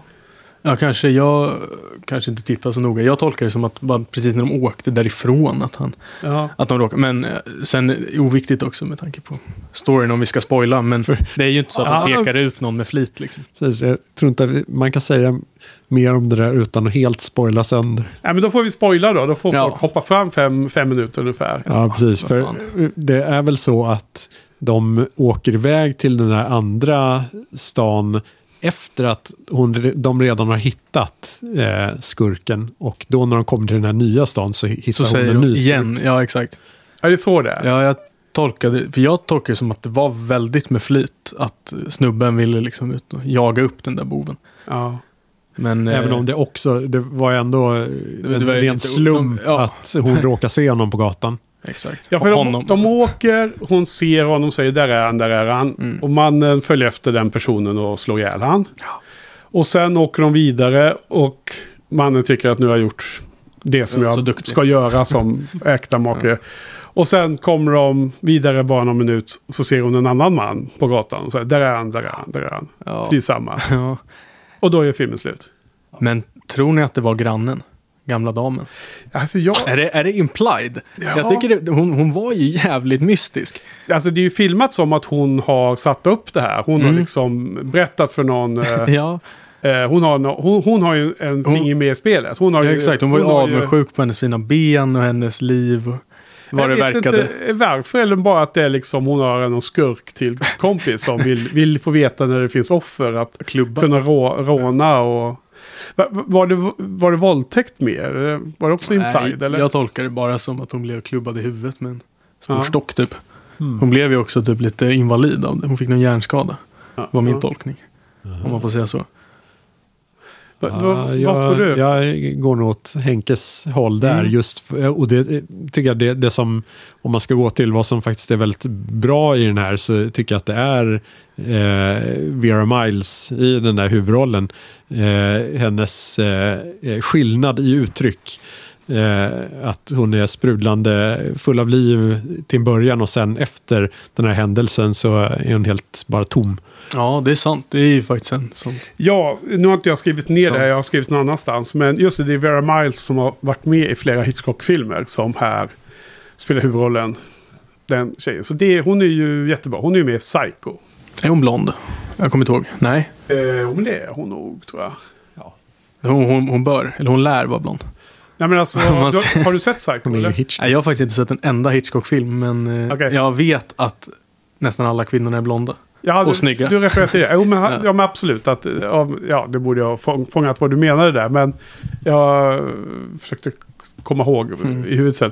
Absolut, Hitchcock ha, hade ju sina eh, blonda huvudrollsinnehaverskor som han var hypad runt. Hon var nog inte en av dem. Nej. Utan det var ju snarare i Psycho var det ju en annan kvinna som spelade. eh, Vad hette hon nu då? Janet Leigh. Janet Leigh som spelade. Det, det, det finns ju två systrar i, Mm. i mm, Psycho. Som, eh, och då var Vera Miles den andra. Och sen så hade han ju Grace Kelly och han hade, ja det var, fanns ju massor. Eh, med i olika Mm. eh, filmer. Eh, Okej, men eh, ni båda tyckte det här var jättebra eller? Bra, Nej. bra twist eller? Nej, det lät som att du tyckte det var jättebra. Nej, Jag tyckte den var ganska dålig Ja, faktiskt. Okej, okay, då missuppfattade jag. För, Eh, den var, jag tycker den var ganska så här, ointressant. Och sen twisten var ju så här oväntad, men den var så liksom blid, eller vad man ska säga. Jag tycker den var så jävla underwhelming. ja. Liksom. Hon, att hon var typ, eh, ja, men inte hjärnskadad, det är skittaskigt att säga, men att hon var så här traumatiserad. Jag vet inte, hon, hon var så o... He, hela det slutet var så liksom outtrycksfullt. Att jag tyckte inte att det gav någonting. Okej, Det var liksom ingen så här, åh, boom, stor twist. Utan det bara var... du då Karl? Ehm, kändes ju... Eh, jag skulle säga att det var exakt vad man förväntar sig. Att det är väl precis så här de här eh, Alfred Hitchcock Presents är. Att det är lite Twilight Zone-artat. Att oh, det kommer en liten sån här väldigt eh, enkel eh, påklistrad twist Mm. någonstans. Eh, och där, jag, jag, det är ändå, jag gillar stämningen i hela uppbyggnaden till den, men sen det blir ju inte my- mycket av det. Ja. Men som sagt, hennes eh, skådespeleri är ändå eh, Ja, men bra. jag hajar till. också eh, Jag, skön, skön karaktär tycker jag. ja, jag hajar till där. Hon var, det var väldigt kul. Det var liksom som en eh, överraskande frejdig relation de hade innan hon blev överfallen. För att vara 55. Det, Mm. det kände jag att de hade liksom ett bra, bra presenterat förhållande. Ja. Det hade han Jag håller med, det var fint. Ja. Och det var väldigt mycket tid som lades där. För att jag, jag känner mig att jag är liksom... Det haltar väldigt min titt på den här. För att jag satt ju bara och jämförde med den här nyare versionen. Som typiskt är 80-tal kanske. Eller 70-tal. Och jag kommer ihåg det som att det var någon tv-serie med Roald Dahl storiesar. Men jag hittar ingenstans att, att det här var en story som byggde på något som han har gjort. Så det måste jag ha kommit ihåg fel. Eller så var det bara att man hade eh, någon form av eh, eh, titel på den serien. För att det kanske fanns vissa storiesar på honom. Vad vet jag. Men den gjorde alla de här grejerna bättre tycker jag. Och vilket också talar för att det här med att filmhistoria är så himla mm, svårt egentligen att bedöma gamla filmer. Därför att lika fantastiskt det är som när man uppfinner saker och gör det för första gången i filmhistorien. Så Ja. när vi ser det nu, då har man ändå förfinat det hundra gånger om. Exakt. Så även liksom ganska mediokra regissörer och produktionsteam kan göra saker som eh, Orson Welles eller Alfred Hitchcock hittade på för oss alla, hela mänskligheten. Men mycket bättre nu. Mm. Tyvärr är det så lite. Absolut. Och, och den, den, den storyn som var där, den var mycket... Alltså för det första så etablerade den ju inte liksom en så här happy go lucky värld som de... Här, här lägger man fokus på att de har det så himla fint Ja, det var innan hon Mm. blir helt förstörd. Det, som jag kommer ihåg det åtminstone så börjar den kortfilmen med att mannen åker till sjukhuset för att hämta frun som har blivit överfallen och våldtagen. Mm. Och han liksom går med armen runt henne och hon är liksom fortfarande ja, helt eh, chockad och eh, förstörd och liksom eh, apatisk. Och så går, går de in i... Han har parkerat i sjukhusets parkeringshus. Och där inne så pekar hon ut den första. It's him, it's him. Så mannen slår ihjäl den förövaren inne där då. Lite random att förövaren råkar finnas på sjukhusparkeringen. Men det får ju sin förklaring. Ja, och sen åker de vidare då. Mm. Och direkt när de kommer ut på, på motor, eller stora vägen. Då säger hon direkt så här. Där är han, där är han. Mm. Och så ser man helt chockad ut och för, förtvivlad. Men sen klipper de inte det som Hitchcock. De åker vidare och så säger hon ju. Där är han, där är han. Till nästa. Varenda man på hela Mm. Ja. avenyn där är ju det är han. Och jag, jag tycker den, den payoffen blir mycket mer. Alltså jag kommer ju ihåg det fortfarande idag. Jag kommer ihåg den Gåshud. nej, nej, kanske inte. Men jag kommer ihåg den. Den scenen så tydligt i huvudet. För jag kan knappt komma ihåg ens hur det såg ut när Hitchcock, de här sista scenerna när hon... eh, I den här gamla filmen när hon säger det andra gången. Och när själva twisten levereras. Jag kommer inte ihåg hur settingen såg ut. Men jag kan förnimmas hur bilden såg ut i den här modernare versionen. Så det har ändå satt ett större avtryck. Ja, Så för mig blir det ganska mycket att sitta och jämföra där. ja jag fattar. Det, Det kanske var därför jag blandade ihop med exakt vad som hände här med att de Mm. var ute och letade aktivt. För där är det bara passivt. Så här. ja. ja, men jag tycker ändå, alltså. Ja. Ja, vad ska man säga? Det var, jag tycker det var väldigt eh, eh, charmigt och för mig överraskande med själva Hitchcock Present. Själva presentationen, att han var en så jävla charmig och karismatisk gammal gubbe. Jag har bara sett bilder på honom. Aldrig sett honom prata och han ser ju... Du, du Alltså- menar när han är i bild? Ja, exakt. Början Självaste och, och Alfred. Efter. Och efter, exakt. Han ser ju verkligen inte så god och glad ut tycker jag på, på sina bilder. Han har Ah, lite så här Churchill, eh, stroppighet, eh, gubbe, Ja. utseende. Eh, Men han var ju verkligen eh, pigg och glad. Lite riket eh, aktigt Ja, där. Men, det, men, nej, nej, men det- med. Det, de, de, de korta snuttarna innan och efter filmen nästan. Det, Mm. det är behållningen ja, av den här. Exakt. Och när han har sin lilla A word from our sponsor. Och så Ja. här, kändes... Han var väldigt fyndig när han presenterade reklamen flera gånger om. Så att det, Mm. det, var, det var en behållning. Var, var det också något du såg på din... Det du såg? Nej, den såg jag inte, någon reklam. Men, eh, Nej men alltså nej, inte men, själva Hitchcock. Ja, ja, ja, presenterade. ja. ja Det såg absolut. jag. Eh, ja, De hade och klippt där. ett himla eh, speciellt grepp just att ha det efteråt. Att han ska summera det hela. Ja. Ifall det var, ifall det gick lite för snabbt för tittarna så ska han eh, förklara sensmoralen. Ja. Det är Lite också... Ruben Östlund-style. Också lite Twilight Zone-aktigt ju. Är det inte med, med en liten Jag har eh, inte sett så mycket på summering? det. Nej men jag, jag har ju bara sett det här avsnittet jag såg nu. Nej.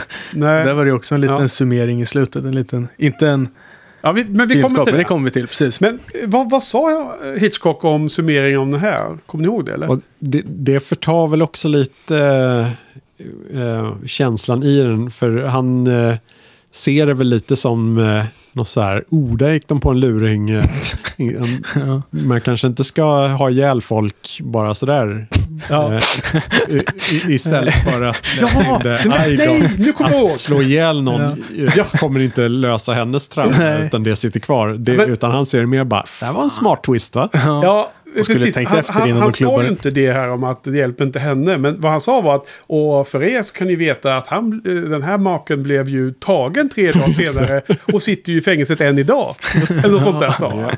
Så det var liksom noll chans att eh, myndigheterna skulle bli sura på att liksom, den eh, mördaren maken här kom undan. liksom. Han var tvungen att berätta att han blev verkligen tagen av polisen. Exakt. Okej, ehm, vad har vi? vi? Vi går vidare här. Vi har fortfarande tre segment Mm. kvar på podden. Just det. Måns. Vi kör på. Vi måste köra på. Men vad har vi för betyg på Revenge då från eh, första avsnittet? Fan, typ eh, svag tvåa kanske för mig. Ja, jag ger en stark två. Jag tyckte att eh, det var kul att se Hitchcock och kul att eh, han presenterades av Vera Miles. Liksom en eh, positiv överraskning att återse henne Mm. i en tidig roll. Jag tror det här var före hon var i långfilmerna för honom. Mm. Hon var med två gånger tror jag sen. Ja, Okej, då kan du få två och en halv. Två och en halv va? Hon var med i Psycho och så var hon med i The Wrong Man också tror jag. Mm.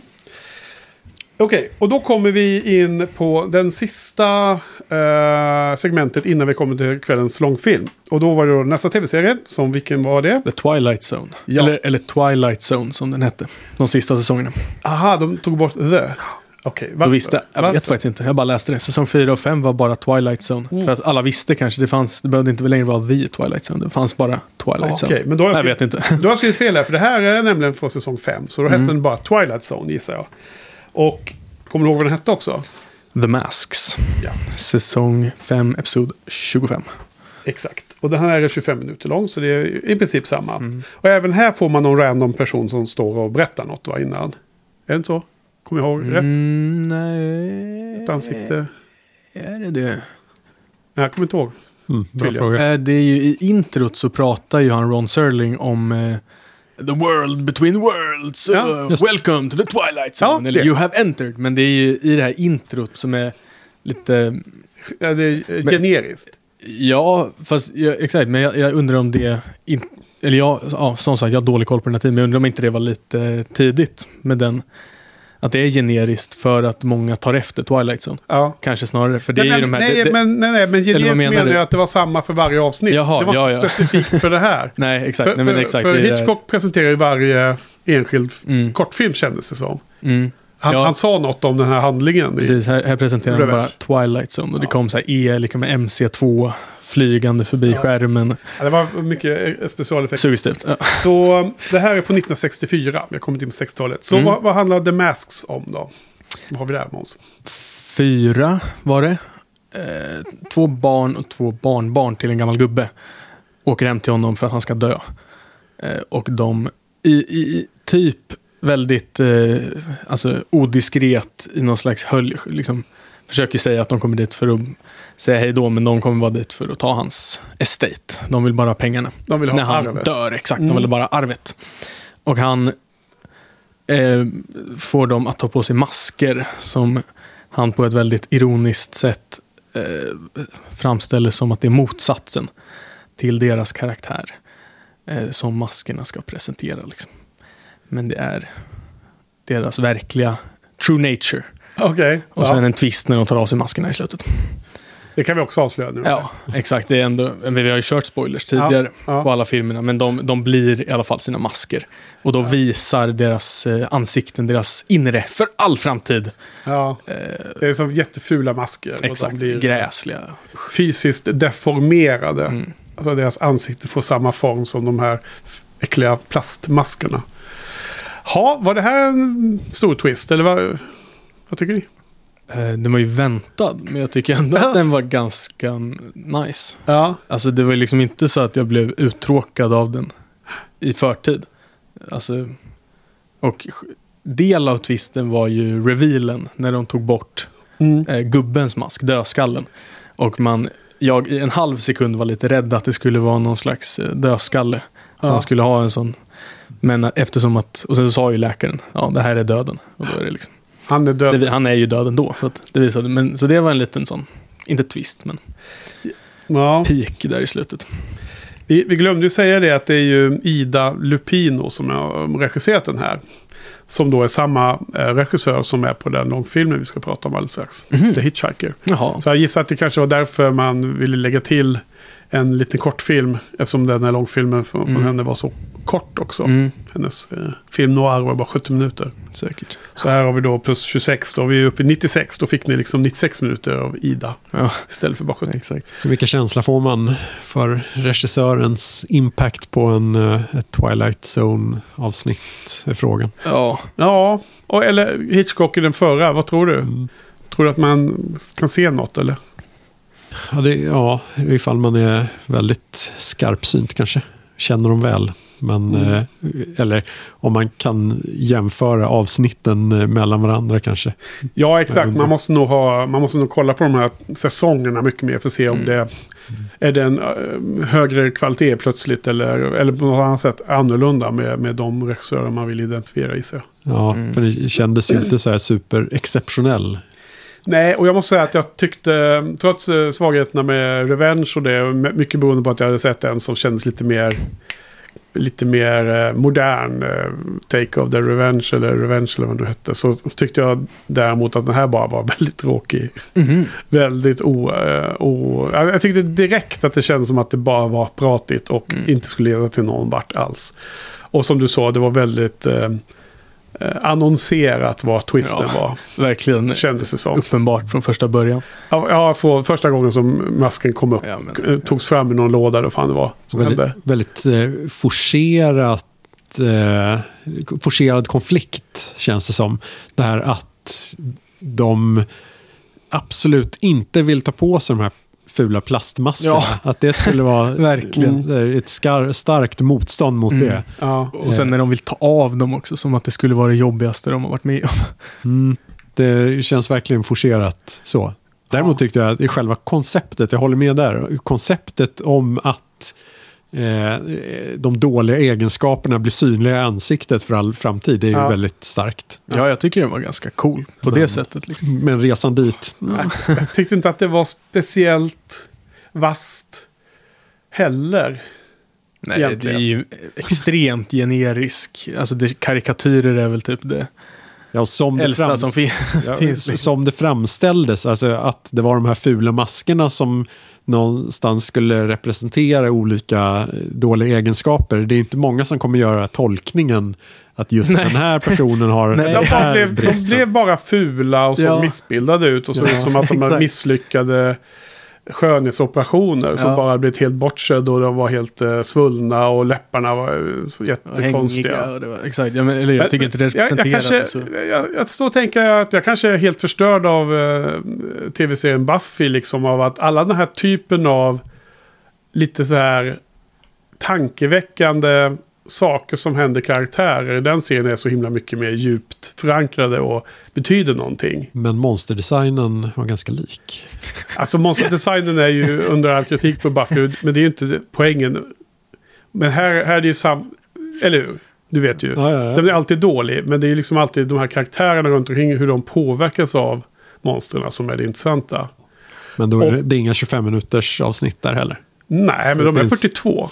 Ja, det, Lite skillnad. ja. Därför att efter ungefär 25 minuter så har det alltid kommit fram till den fas i Buff- Buffy-avsnitten när det är en actionavslutning som är det minst intressanta.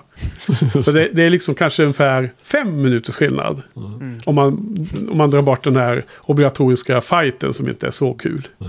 Jag vet att det finns Buffy-fans som älskar när Buffy kicks some ass och sådär. Men jag tyckte jag, lite, lite för ofta att det var en transportsträcka. Men vilket fall som helst, man kanske har blivit lite så här, eh, förväntar sig lite mer insightful eller lite mer så här tankeväckande effekt. Men annars är det liksom för lyssnarna som eh, absolut inte behöver söka upp den här och titta på den. Jag tycker den gav väldigt lite. Men det är lite samma miljö som eh, eh, Knives Out. Det är liksom ett fint hus. Det kanske man kan tänka sig lite att det är eh, lite åt den här grevinnan och betjänten miljön också. Det är så här stora rum och bibliotek och så. Och sen en, en, eh, kommer, sitter ju den här gamla gubben där och, och tar emot sin eh, son med familj liksom och de bakom och vill ha liksom grejer. Ja, exakt. Jag tyckte det var ganska märkligt för att det såg ju verkligen ut som att det var ett jättestort, någon slags mansion de bodde i. Men det Ja. var mitt i stan. Det var en stor lägenhet i, mitt i stan. men det måste ju varit... Eh, Eh, Var det i New York så finns det säkert sådana stora. säkert, du vet, säkert. townhouses heter det väl. Där. säkert. Eh, Men i vilket fall som helst, jag tyckte inte att den var jättegivande. Jag, det var snarare svintråkig måste jag säga. Det var, eller så hade bara min eh, energin tagit slut för Ja. alla dessa kortfilmer som man bara skulle vara tvungen att se för Måns skull. Mm. Jag tycker inte den var svintråkig. Den var inte så här jättebra, men... Nej. Och han, eh, gamlingen tycker jag var ganska eh, rolig. Gammal. Han var ganska gammal, Ja. precis. Han dog ju där i slutet. Ja. Nej men han var ganska rolig. Jag tycker det var kul att han var så jävla eh, typ sarkastisk hela Ja. tiden. Det var lite kul, men i övrigt. Så. Ja, precis. Det, det är lite roligt det där med att han... Eh, I Knives Out att han, den gamla mannen, eh, liksom, eh, ger bort pengarna till någon annan. Så att hela, alla barnen och släkten Ja. inte eh, får några blir en pengar. annan, annan twist. Och, och här är det lite åt samma håll. Att, Mm. att göra någon eh, final Straffa de jävlarna. in, straff liksom. Men vad heter det? Vad tänkte jag på? Nej, jag har glömt vad jag skulle säga. Nej. Vad tyckte du, Karl? Eh, nej, jag är stentråkig också. Det var Ja. verkligen ingenting förrän... Nej, man, man visste vart den skulle Mm. och ja, det Mm. funkar bara på konceptuell nivå. Jo, jag kom, nu kommer jag på vad jag ska säga. Jag håller med, Karl. Jag håller med att du höll, höll med mig. Just det. Jo, men det här, vi har kommit in på en ny föreläsning också. Vad var temat på det här? Det var det jag skulle undra. Det var typ... Har vi koll på det? Ja... Var du på den här föreläsningen? De pratade om The Hitchhiker och Ida Lupino och så. Nej, det var jag inte. Då, då var du och skolkade också. Exakt vad jag ska Det är teknikutveckling under kalla kriget. Eh, vilket, eh, då jag inte var på föreläsningen, har ganska svårt att härleda till just den här. Och, och film noir kanske? Nej, Nej. det var inte, inte du, du, får lä- uttryckligen. du får läsa på i boken där. Ja, det får jag göra. Men Ha eh, den smällen. Jag vet faktiskt inte teknik. Alltså det, om man kan se det på något sätt så är det väl typ kalla kriget, lite så här eh, hotkänsla i luften och det kanske resonerade väl i temana med Twilight Zone. Ingen aning om, om man ska säga, men teknikutveckling, jag vet inte, jag får fråga en kursare. Ja, Typ. men ibland har du också kommit in på att eh, diskussionen på föreläsningen inte har varit helt Mm. kopplade exakt till de filmerna. Så att det kanske är lite Nej, Visst, nej, flytande hur, som, hur, hur väl kopplat det är. just den här kanske också var för att det var Ida Lupino. Ja, jag tror Så det. det- ja, det, det- känns så. Mm. Ka- kanske också eh, utveckling med tv. Att man Mm. börjar producera sådana här grejer Mm. för tv. Ja, det är sant. Det är det nog, Det kan det ha varit. nog eh, relevant. Det är en, Så här är kända väl regissörer jobbade också i tv. mm, en av de liksom första stora Mm. tv-serierna väl. Mm. Om Ja. jag har förstått rätt. Jag tycker ändå, alltså så här, eh, just den här, det här avsnittet var väl inte skitspännande direkt. Jag håller med Karls medhållande av Ja, Henriks. så bra. Eh, nej, men, eh, men eh, jag känner ändå att jag skulle absolut kunna försöka kolla på lite mer Twilight Zone. Mhm. För att få ett hum om, och jag tycker ändå så här, konceptet och typ stämningen i typ introt och han Ron Serlings Ja. introduktion. Det känns som något som jag vill ha Mm. liksom, Koll på. men lite koll på, Ja. exakt. Eh, Kanske inte behöver se alla fem Du, du säsongerna, men umgås med. Ja men exakt, exakt. Jag tyckte ändå det var ganska härligt och eftersom att de bara är 25 minuter typ Ja. så kan man sätta på ett och bara halvkolla lite. Eh, Jag förstår. så här, Ja, jag, jag förstår. Och jag kanske inte känner det suget, men jag är lite sugen på att se några fler av, av Hitchcocks egna regisserade avsnitt i hans serie. Mm. Just för att kanske se om, det, om man vässar till de här twisterna lite mer. Jag får se någon story som jag inte liksom hela tiden sitter och tänker på en ny, ny remake Jaha. av. Och även spana lite på skådisar. För jag menar, det var ju något vi var väl insatta i när vi poddade om Hitchcock. Att han hade ju favoriter som återkom om och om igen. mm. Det är väldigt många som har gjort tre, fyra, fem filmer för honom. Om man säger så. Ja, precis. Även om man tycker att han var lite då moraliskt eh, tveksam i sin casting så eh, hittade han ju många väldigt bra Ja. skådisar. Som, Nej, men det är klart att det, det, det finns ju historiebeskrivningen att han, eh, betedde, att han eh, heter det, betedde sig illa mot vissa av hans eh, stjärnor. Ja, och att han anställde de där blondinerna för att han tyckte de var snygga. Ja, det är Liksom säkert, bara därför. det var väl säkert så. Ja. Eh, I mångt och mycket, men... Eh, eller det blir, blir en symbios. En del, de flesta var väl inte kända överhuvudtaget när han anställde dem, har jag en känsla av. Men... Eh, och han blev sur och så. Så att det hade ju varit mi, eh, det hade ju varit cancellerad så länge om det varit nu. Men nu var det en annan era och därför har man en hel eh, filmografi från, från den regissören. Och då, man undrar lite vilken av alla gamla regissörer som idag är svinkända i det filmhistorien som inte hade blivit cancellerad. Innan de, Nej, jag menar, titta bara på Bergman så är man nog bara cancel direkt. Och så vidare. Och så vidare. Ja, ehm, Ja, min, min känsla från den här Twilight Zone var i alla fall att jag mycket hellre hade velat se något av Mario Bava eller åt det hållet. mhm. vem är det? Så där, ehm, tidig eh, Giallo Aha, italienare genre. Ja, precis. och lite mer skräckis. Ja, splatter. precis. Bava var ju lite tidigare. Gjorde mycket så här gotisk skräck. Argento. ja, coolt. Mm. Ja, Jag Ja, fick, en fundering nu. Jag vet ju att det har ju gått sig. typ oändligt med olika, nej inte oändligt, men det finns ju typ fem olika Twilight Zone. Någon från typ 86 Ja. eller något. Då var ju ändå ni, Ja, men det I- finns en i- långfilm som heter det också. ja det gör det. Ja, men jag som tror det gick på en, 80-talet. absolut. en kort run där. Jag undrar lite om den, Aldrig ni sett, för, Inte sett någonting. nej. Eh, jo, men jag såg nog en del när jag var liten. De, då var de väl eh, spännande. Ja, just det. Ja. Kanske inte håller idag då. Men, Jag minns att man även såg eh, Alfred Hitchcock Presents när man var liten. Det gick på tv. Jaha. Och då också väldigt rafflande. Ja, man känner igen musiken, man känner igen hela introduktionen. Så jag har ju sett det, gissar jag, någon gång. Mm. Mm. Okej. Eh, nej, men för mig är det här ett av fem. Måste jag ändå vara ärlig mot betygssystemet. ja, det var en tvåa för mig. Jag tycker den hade lite. ja. Ja, du lät mer positiv. Mm. Eh, ja, en och en halv. Ja. Fanns något där ändå. Fanns något. Ja. Och då kommer vi till eh, dagens sista film. Och det är den, eh, den här The Hitchhiker från 1953. Ida Lupinos film. Film noir. Och den är 71 minuter lång. Mm. Och var det... Är det långt eller är det kort? Det är en kort lång film. Var det långt? Long enough eller var den kort? Eh, Jag tycker den var lite för lång personligen.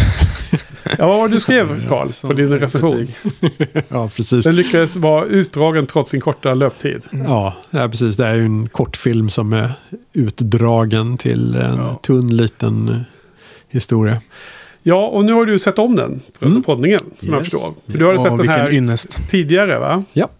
När, när, hur kom det sig att du kom till den här filmen? Eh, Bra fråga. Eh, Cinemateket, tror jag. mhm. Och var det länge sedan, eller? Eh, det borde jag ha kollat upp. Men eh, inom eh, senaste tio åren i alla fall. Ja. Och nu när du såg om den, liksom, uppfyller den dina förväntningar och kom du ihåg den korrekt och sådana saker? Ja, det får man säga. Det är inte mycket att komma ihåg. Nej, Det är en... Okej. eh, det är, ja, det är roligt att ju höra. en, eh, för att ibland så, tänk, så har, när man ser om en film sedan många år tillbaka så är den helt Mm. annorlunda än vad man trodde. Ja, nej, precis. Det är ju en liten, eh, ska vi kalla det en road movie. Ehm, Just det. En, eh, en liftare plockas upp av två män och kidnappar dem, tvingar dem åka till Mexiko. Det är en eh, seriemördare, den här Just det. liftaren. Och det vet man redan från början att han är. Mm. Och det är väl typ det första man ser. Eller de här nyhets... Eh, som snurrar fram på ett extremt så här film noir, eh, i alla fall för mig, Ja. Absolut. typiskt vis. ja, den är ju svartvit. Och den filmas mycket med närbilder och olika shots, olika vinklar. Och lite också långa bilder ner mot bilen i öknen Mm. och så här. Så de håller på och fipplar med teknikutveckling känns det som va? Ja, Så det kanske är något där. något finns exakt. Ja. Så jag tycker inte den var så... eh, Det kändes verkligen inte innovativ, tycker jag. I tekniken. Lite kanske, men den var ju liksom... Alltså, jag det här, den det här, det här på har jag läst mig till. Ja, är så. på, på sådana recensioner på Mm. Letterboxd där de hyllar den här nya Ja, shotsen. Ja, ja men exakt, det kanske var det. Jag, tyck, det stod, jag tycker inte det var liksom stod ut. Men det kanske i och för sig det är det som är teknikutvecklingen. Att de kunde göra det subtilt nog. Att det var snyggt utan att man liksom ja. eh, stöts. Ja, alltså jag, jag tycker att den inte sticker ut som extremt snygg. Eller att det, att, att det, det är inte därför den är en film noir i, i mina ögon. Och jag saknar ju helt femme fatalen. Det verkar tydligen inte behövas då för att vara film noir. Nej. Nej, Men ni läste ju upp någon kort liten lista. ja, vi ska komma till och, det. Ja, jag tycker inte... Alltså min uppfattning av film noir var inte heller riktigt uppfylld. Nej, alltså det här känns mer... Ja, jag vet inte. Eh, Du då Carl, tycker du att det är en film noir till att börja med? Nej, den saknar väldigt mycket av det som jag tycker är, är centralt. Men eh, det den har, eh, alltså, den är inte långt ifrån genren. Det den har är ju ändå ljussättningen i bilen. Påminner lite om Collateral eh, av Michael Mann. Med att Ja. de Ja. är eh, snyggt upplysta från en låg ljuskälla i bilen. Ja, Eh, och man har ju också i början så sitter han Mm. eh, i baksätet helt i skugga.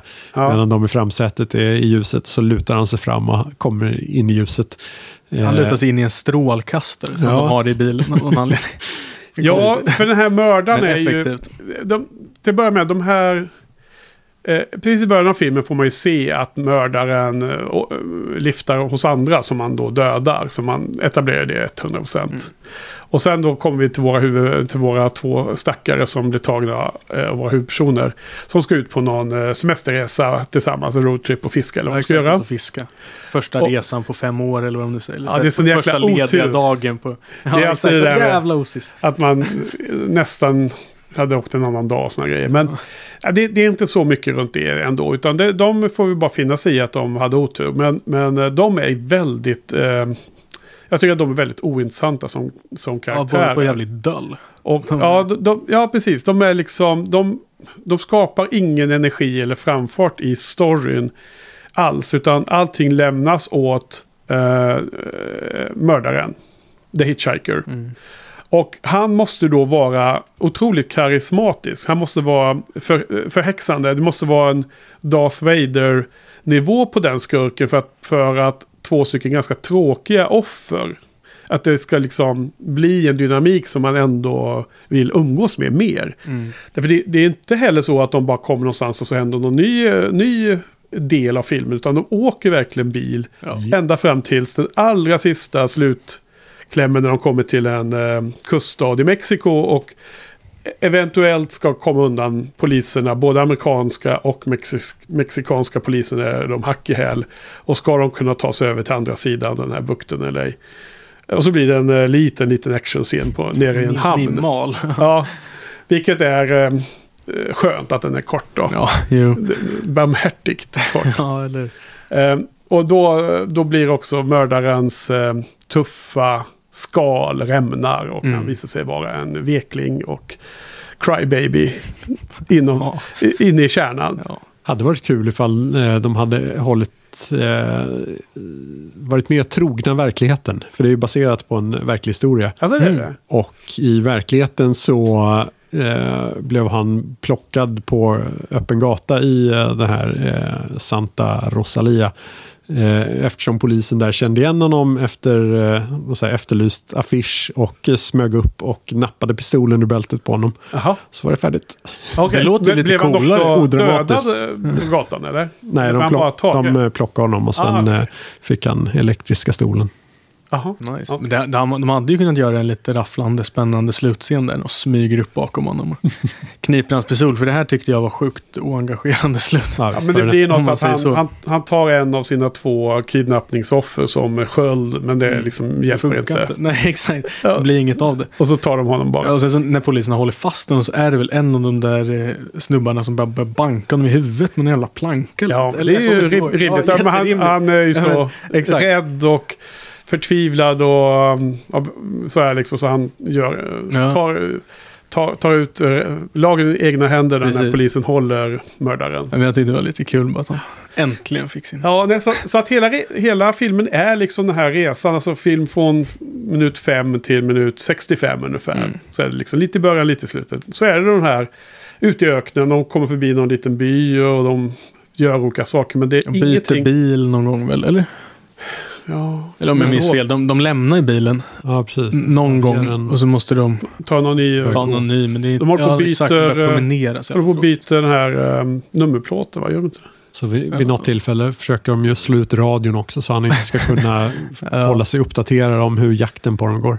Ja, det här är väl också ett fall då kanske där att göra om den här typen av spänningsfilm när man är i en liten area, liksom här inne i en bil då. Mm. Och så någon försöker springa, bara fly genom att kubba liksom när de sover på natten. Men Ja. han kommer ju inte många meter. Så att de är ju framförallt i bilen. Och eh, då, måste ju, då måste de här eh, kidnappade personerna skapa någon form av nerv, känns Mm. det som. Och det Ja. gör man nog bättre i modernare filmer där det är liksom...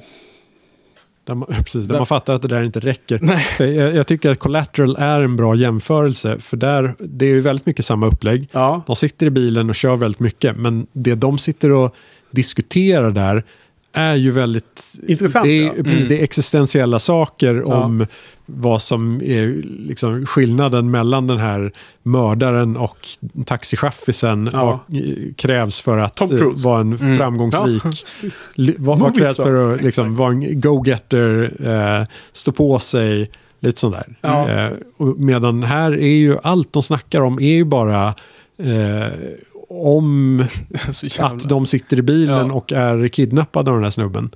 Det är bara liksom praktiska detaljer. Försök inte fly. Nej, exakt. Ja. Jävla tråkig. ja och, Och- mördaren är inte speciellt eh, charmig heller. Alltså charmig för att vara skurk menar jag ju då Mm. förstås. Alltså han är ingen bra villain. Tycker Nej, jag. jag tycker, han Han var är ju ganska den tråkig. Det överlägset mest eh, alltså, sympatiska karaktären tycker jag. Tyckte du mördaren? Ja, men de andra var ju så jävla tråkiga. Att han hade ju lite han hade ju ändå något going for him. Ja. Liksom. Han var ändå, han hade ju någon, någon under- i personlighet. underhållningssyfte? Ja, exa, ja, ja menar. inte sympatisk. Du menar inte att den här psykopaten, Nej. att den känns väldigt nära dig? Nej, men själv, så, som, karaktär, själen? som karaktär liksom. Att han Ja. var ju Ja, mest engagerande kanske. Ja, jag tror också att de på Letterboxd skriver mycket om det här med ljussättningen och att hans ansikte är så intressant och att det kommer Mm. från skuggan in i ljus och allting. Ja, det kanske han är, men det är väldigt kort lev, eh, livstid på att tycka att eh, ansiktet såg Ja. intressant ut. Han, han, han, han, är, han är inte så här klassiskt vacker, han är lite mer Steve Buscemi-aktig i sitt ansikte va? Även där har Ser de... eh, strange ut, eller vad är det de säger i Fargo? ja, precis. Kind of funny looking. ja. Eh, eh, jo, men de har satt på lite makeup så att ena ögat ser eh, trasigt Alltså, ut. lazy Mm. eye, ja. För att efterlikna den eh, verkliga Okej. Billy Scott eller något sånt där heter han. Ja. Jag tycker också att de här, alltså, liksom storyn runt bilen var ju också svintråkigt. Det tror jag att man hade gjort bättre nu. Vilket, eh, vilken story med, med liksom polis, de klippte ju till polisrummen. Ja, ja, och, det var liksom, och det, det var ju bara svintråkigt. Och det hade ju i en modern film kunnat bidra till Ja. spänningen och att man, man fick den här känslan av att polisen faktiskt var hack i häl. Och att det var någon slags press på dem. För det tycker inte jag att det var. Nu var det bara som att de körde ja, runt. Tänk och- bröderna Coen har gjort en... Ja, men det, här är liksom, det finns ju element av en sån här film i eh, No Country for Old Men gissar jag va? Ja, det får vi se. Ja, vi får se. Nej, men så att allting utvecklas ju och det här var väl inte top of the line. Och eh, för mig en ganska stor besvikelse över att det var det här som var film noir-filmen. Ja. För tittar man på IMDB så är det den genren den, den representerar. Och jag som då känner mig ofullständig i att jag har inte till fullo upp, uppfattat eh, briljansen med film noir. Jag har ju mina favoriter som vi ska gå igenom snart. Men jag har ju liksom inte riktigt eh, fattat grejen till fullo, ge- genren som sådan. Så då hade jag ju hoppats på att det skulle komma någon film som jag eh, tillsammans med dig och Karl skulle kunna prata om och liksom verkligen riktigt, riktigt liksom gotta mig in i och börja älska någon liksom gärna känd film som man inte hade sett. Som man kunde liksom addera till sitt eh, kartotek av filmer. Det här känns bara som helt meningslöst att ha sett nu. faktiskt. Det här gav inte den där kicken att eh, ja, men nu har jag fattat grejer med film noir tycker jag. Nej, men kanske med Ida Lupino. Vad vad- vad har vi lärt oss om henne då? Ehm, Eller hur menar du? ja, jag, jag har sett ett par till av hennes filmer tror jag. Ja, Och det är väldigt mycket ehm, att det handlar om något ämne. Hon vill informera om saker. För den här är ju väldigt mycket en, en eh, så här, varning. Det här Ja. kan hända dig. Ja, de det är farligt, det är farligt att plocka upp eh, liftare. mm. Så eh, det är en eh, perfekt eh, 50-talsfilm på det sättet. Att här ska vi skrämma upp befolkningen. Mm. Passa er. Eh, Ja, då är det extra starkt att det bygger på verklig händelse förstås. Ja. Eh, och att det, det är lite där intresset finns. Och jag har sett andra, någon film då hon vill eh, informera eller göra folk medvetna om polio. Och hur det påverkar folk. Ja. Ja. Och då följer vi liksom en person i en järnlunga i 70 minuter, eller vadå? Ja. Lika Någon, rafflande. man, ja, man får följa någon, någon som eh, hanterar Ja. livet med polio. Men alltså, jag tycker inte att det är jätte, låter jätteinbjudande att eh, följa en eh, regissör som ska hålla på och informera en om saker. På det sättet som, det, som du beskriver det nu. Nej, jag gillar henne bättre som skådis. Ja, okej. klart. Hon är skådis också. Jajamän. Har man sett Gjort, henne i något? eh, ja, det beror på. Nu är jag med i High Sierra med Humphrey Bogart. Ja, den rackaren, den western har inte jag sett faktiskt. Ja. Den är ganska Är bra. hon eh, bra eller? Ja, absolut. Inte Shirley MacLaine-nivå. Nej, det Nej. må, vara, må vara hänt. Men hon har en eh, eh, väldigt speciell energi. Okej, Så jag gillar den. där ser man. Ja, Jag hade läst en liten synop, eller inte en synopsis, någon liten tagline till den här filmen, någon liten sammanfattning. mm. Det stod att två, eller två bil, bilister plockar upp en liftare som visar sig vara djävulen. ja. Eh, och det var ju typ sant liksom. ja. Men jag trodde det var liksom literally. Alltså, alltså så här, bokstavligen djä, djävulen. Och jag tyckte det lät lite spännande. Någon slags här, existentiell, eh, biblisk Det, historia. det hade varit mycket roligare. mm, är jag säker exakt, på. lite så här körkaren En hade varit en präst. vibes. Ja, exakt. Och en annan hade varit en ateist och sen djävulen Ja. bak. Det hade varit jättebra. Ja, precis. Låt oss göra den filmen. Ja, där har vi det. Jag tyckte det var ett jävla koncept. Så jag var lite taggad. Men sen det här var ju sjukt eh, oengagerande. Var-. Han verkade inte ens så jävla ond, tycker jag. De, det var mest uttalat att han hade slaktat massa folk. Men Ja. han var ju inte så elak liksom. Eh, men jag tror att någon kommenterade i alla fall på Letterboxd. Att hans grej var ju att han hela tiden hotade. Han berättade för dem vad som skulle hända med dem. Vilket var ännu mer överraskande att de inte verkligen eh, gjorde något eh, aktivt. Fysiskt aktivt för att eh, besegra honom. Ja, de var ju två. Eh, och han till och med kommenterade mot slutet av filmen. Att eh, nu, ni har haft många chanser. Ja. Men ni har inte ens liksom lyft en hand eller gjort en ansträngning överhuvudtaget för att eh, liksom besegra mig. Så att eh, mot slutet var han ännu mer övertygad om att det var lika bra att döda dem bara va? Ja. För han sa ju det att kommer, kom, nästan. vi över den här eh, bukten här så kommer jag över bara, men ni kommer inte över. Så att de skulle bli offade på vägen där på båten, det var ju klart. Och det tror jag var ju ett bra grepp som hade kunnat lett till jättemycket drama och spänning. Men det, det liksom landade ingenstans. Nej. De bara, ja men vi åker bara vidare. För han har ju sagt att vi ska åka här liksom. Ja, Det ja. är ju lite fascinerande ändå att det, den eh, metoden funkar för dem. ja. Till Ja, skillnad exakt. från Ja, eh, tidigare offer. Mm. Som eh, kanske fightades tillbaka lite eller mopsade sig lite. Ja. Det kanske var, de var på semester, de ville inte anstränga sig.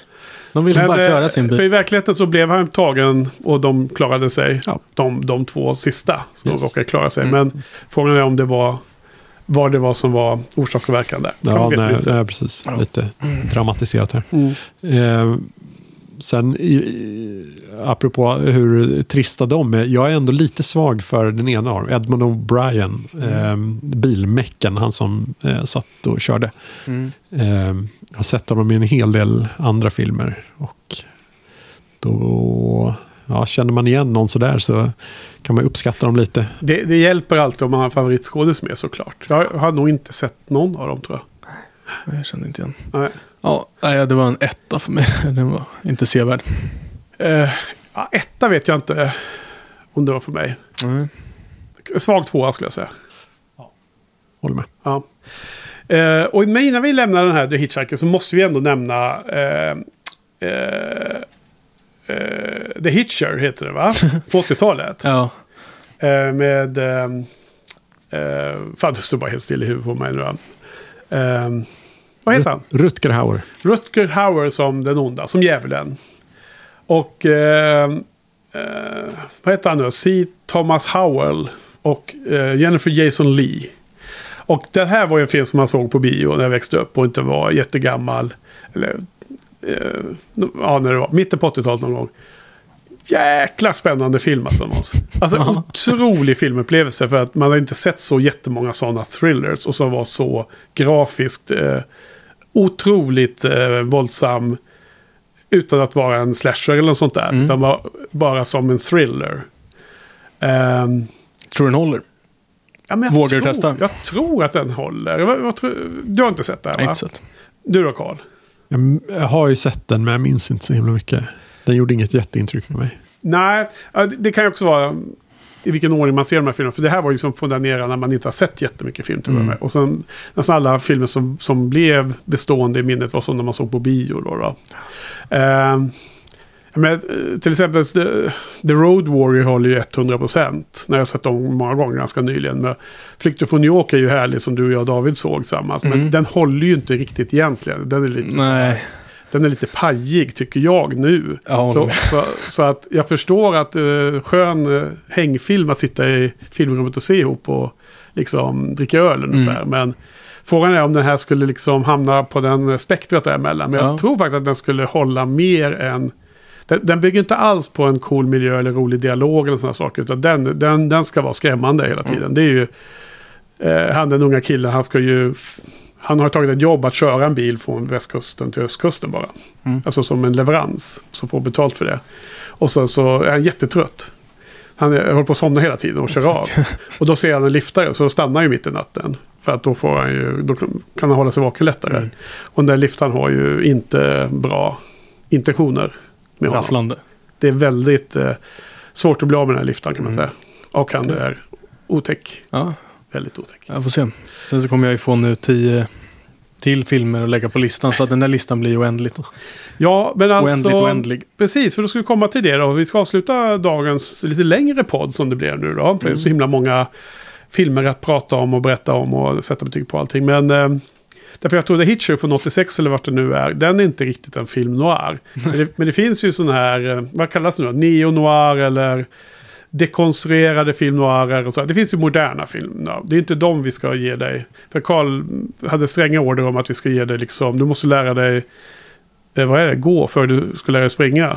Ja, jag sa nog krypa innan du lär dig gå. Ja, men det är bättre. Rent av. Ja, basic basics. Nu Ja. pratar vi om en viss era i, i filmhistorien som är då, ja vad är det egentligen? Slutet 30-tal, 40-tal, tidigt 50-tal eller? Eller något sånt. Ja, Film precis. Den eh, sista film noiren är väl eh, Touch of Evil, Orson Welles. 50, Åtta kanske? okej. Mm. Och första, Ja, säg det. tidigt 40-tal kanske. Ja, Någonstans. Ehm, så att här tänkte vi ge lite tips till dig Måns. Vi har fem var. Mottaga.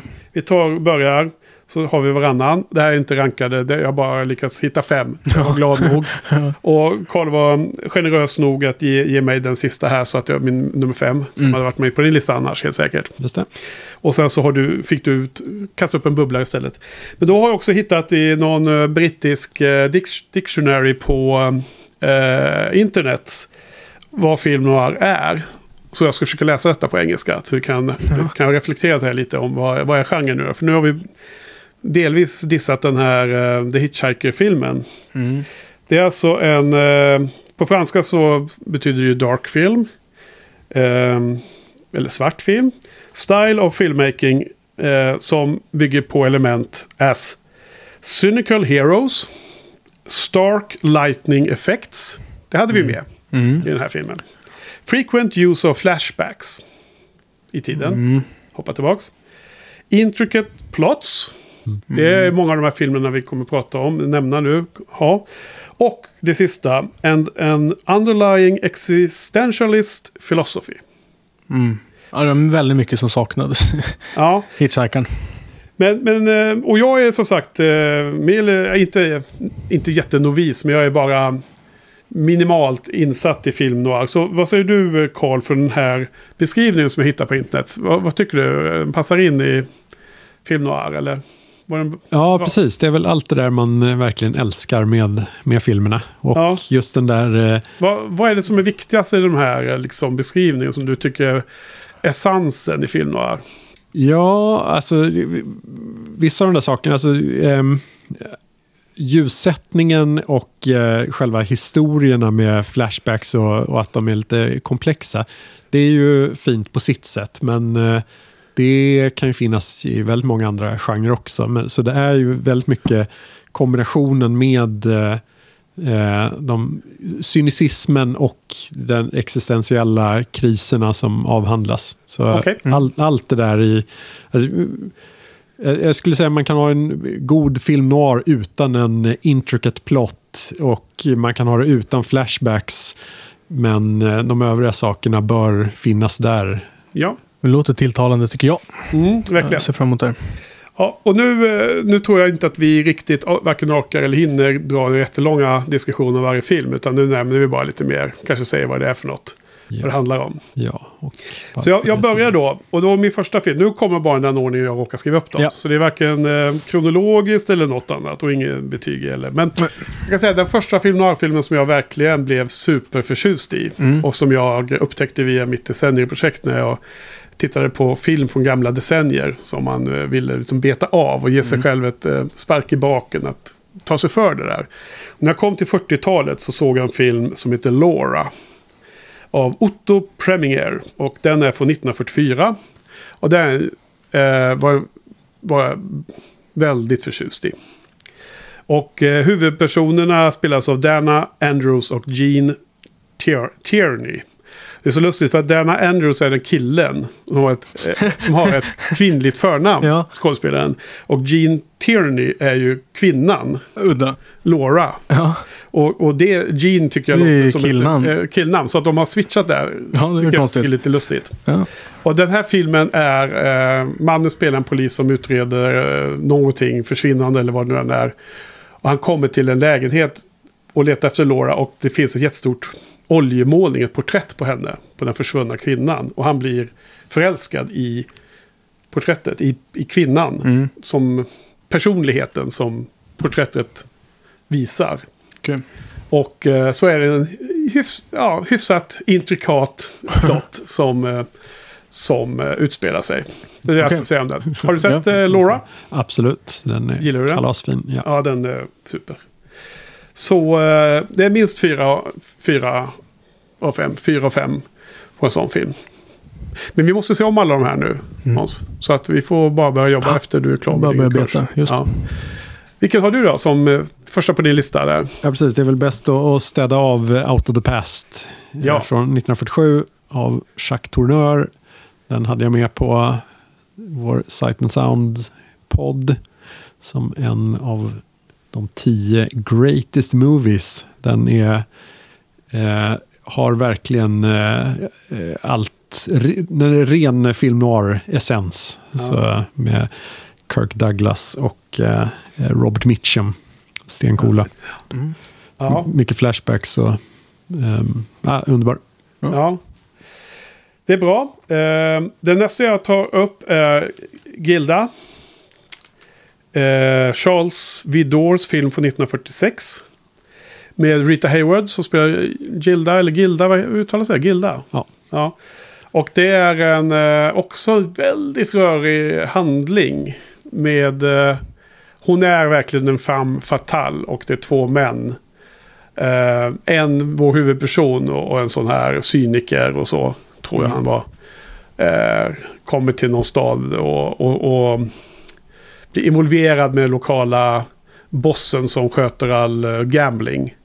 Och den bossen eh, eh, gifter sig med Gilda. Gilda. Okej, Och så har de ju en gammal historia. Det finns histo- history där. Okej, låter intrikat. Ja, det är också intressant. Jag kommer inte riktigt ihåg. Det var ganska länge sedan jag såg Nej, men det är också, om jag ska se dem så är det nästan det- bättre för mig att inte inte höra berätta så mycket någonting. mer än så, Nej, jag men- brukar vara, vilja vara Ja, tabula rasa helt Ja, okej. ja, då är det för mycket. Då. blank. Men, vad säger du Carl? Den har du sett eller? Ja, ingen jättefan faktiskt, men eh, världens bästa poster. Ja, det är det också. Den är ju med också i. Cykeltjuven, va?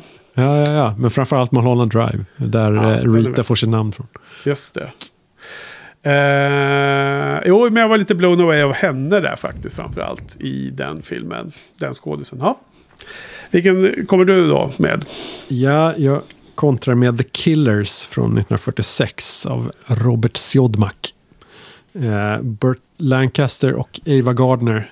Eh, Burt Lancaster som spelar The Swede och blir eh, ehm, mördad i början av filmen. Och sen eh, Tragedi. får man följa eh, polisutredningen som eh, då går ut på att de går och intervjuar folk om eh, hela hans livshistoria. Hmm. Varför blev han mördad? Spännande. Ja, Ja, och då så kommer jag till den tredje filmen. Och det är faktiskt en eh, Alfred Hitchcock-film. Och den heter Shadow of a Doubt från 1943. Som är en film noir. Har jag på radarn kan man säga.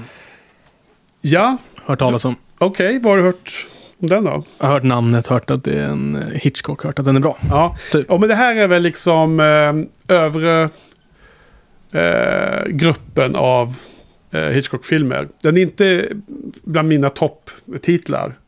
Men eh, den är väldigt, väldigt bra. Den är väldigt, väldigt film noirig. Framförallt med ljussättning och vinklar och så. Det är Teresa Wright som spelar en ung tjej i en familj och så kommer hennes uncle. Eh, spelad av Joseph Cotton. ehm, och hälsar på. Och han är eh, no, eh, bad guy. Mm. Okej. Och oklart hur bad han är om man säger så. Mm. Och det är lite kul det där för att han tydligen var castad emot sin typ. Så att eh, Hitchcock gjorde en kul grej med att eh, ta en skådis som, som normalt sett brukar vara good guy och så vidare. Ehm, här var det lite svårt faktiskt att hitta vilken Hitchcock man skulle ta. För om man kollar på IMDB och, och genrekategorierna så är det flera av hans kända filmer som är film noirer. Den här, just den här var, var från 1943 så det är mitt i, i, i timelinen här då.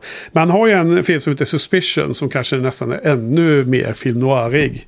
Sen finns också Strangers on a Train som jag skulle vilja eh, hävda är film noirig också. Ja, jag har ju faktiskt inte sett en enda Hitchcock, så det är ju något som du kan Det finns fler där. utbilda Det finns andra. om. Ja. tillbaka till dig. Ja, roligt eh, sammanträffande. Eh, för eh, jag tänkte nämna The Third Man eh, från 49 av Carol Reed. Ja, Där ju Joseph Cotten spelar huvudrollen. Eh, och då som en good guy. Som eh, ska reda ut vad som har hänt med hans barndomskompis spelad av Orson Welles. Eh, I ett eh, eh, vin som är delvis förstört av andra världskriget. Eh, så den är inspelad på plats ja. i Wien, vilket gör hela filmen. ja det är superfantastiskt att se Ja. miljöerna. Ja. Precis. Och eh, den har ju väldigt... Eh, de- den är ju inte del av alla de här amerikanska... Ja, Hitchcock är inte heller det, men... Eh, eh, så det, det blir en annan sorts cynism eh, någonstans. Men så, det handlar väldigt mycket om det här att Sovjet står och knackar på dörren till Östeuropa och så har man andra allierade Amerikanska också. soldater är där och så. Ja, precis. Men att den då också är inspelad 49, då hade man inte riktigt grepp om exakt vad som skulle hända med Östeuropa. Så eh, man rycker lite på axlarna åt eh, den här tjeckoslovakiska kvinnan som är lite nervös för eh, vad som kommer hända när eh, amerikaner inte plockar med henne. Mm. Eh, så den är väldigt spännande på många sådana plan. Mm. Men så är det också en film noir. Ja. Och nästa är, kan vara en av de väl, mest kända filmerna som finns. Den är från 1950. Eh, och det är ju mästaren eh, Billy Wilder. Han är tysk spr- ursprung va, eller sånt där. Mm. Inflyttad till, till Kalifornien. Och han gör ju inte bara filmer som är eh, bara cyniska. Han gör ju alla möjliga och är ju top of the line av regissörer. jag- Honom ska jag kolla på. Eh, Sunset Boulevard det är ju eh, våldsamt eh, känd film skulle jag gissa. Eh, 8,4 på IMDB råkar den ha. Eh, William Holden spelar en eh, snubbe som behöver jobb. Eh, jag tror han är någon slags oh, eh, det, arbetslös skådis eller något sånt där. I Los Angeles, i eh, Beverly Hills. Och tar jobb som en slags eh, pretty boy till en äldre eh, pensionerad eh, före detta filmskådespelerska, alltså stjärna. Som spelas av eh, Gloria Swanson. Som själv var från stumfilmseran en filmstjärna. En stor sån. Um, ja, och så är det en film. Och det, allting, allting finns med där. Berättarrösten i början. Man får se sista scenen först i princip. Sen är det flashbacks tillbaks. Vad var det som hände? Ja, det, jag tror att du kan nog bocka av det mesta som behövs för att det ska vara uppfylla film noir. Absolut. Så det är Sunset Boulevard. Ja, eh, precis. Där blundar vi väl för eh, Billy Wilders andra eh, noir-mästerverk. Vilken är det? Um, är det inte han som gjorde Doubly Dumpty? Jo, men det är det också. Men den återkommer vi till i eh, Coen-poddningen här. Precis. Eh, Så då kan vi prata om den då istället. Ja, För nu skulle vi inte ha med dubbletter av regissörer. exakt. Och eh, den tycker väl vi inte platsar på tio viktiga filmer ändå. Ehm, Nej, men den är ju superstor. Men det är bara att eh, du, både du och jag har insett att vi inte har eh, greppat dess Ännu. briljans ännu. Precis, ännu. Ännu. Ehm, så jag eh, hoppar till lite tidigare och eh, fullkomligt eh, lite bottenskrap. Eh, This Gun for Hire från 42 av Frank Tuttle. Eh, inget namn, men däremot så är Veronica Lake och Alan Ladd i Ah, ja. huvudrollerna. Eh, ett otroligt vackert par som eh, Ehm, ja, den, det som är fascinerande här är ju lite att den är från 42 och då har man inte fått hela den här cyniska delen av film noir känns det som. Eh, så här är ju eh, kvinnan inte källan till fördärvet utan hon kan fortfarande vara god. Eh, och det handlar mer om den här lönnmördarens eh, kamp för eh, någon sorts eh, rädda sin själ eller om det är för sent. Mm. Cool. Okej. Och då femte och sista då. Eh, så är det då eh, Howard Hawks, en annan gigant i, eh, regissör från gamla tider. Och det är The Big Sleep från 1946 Mm. med Bogart och Bacall. Humphrey Bogart och eh, Lauren Bacall. Även om hon spelar stora systern och jag, jag tyckte själv att eh, Marth, Martha Vickers som lilla syster är nästan roligare i den här filmen. Mm.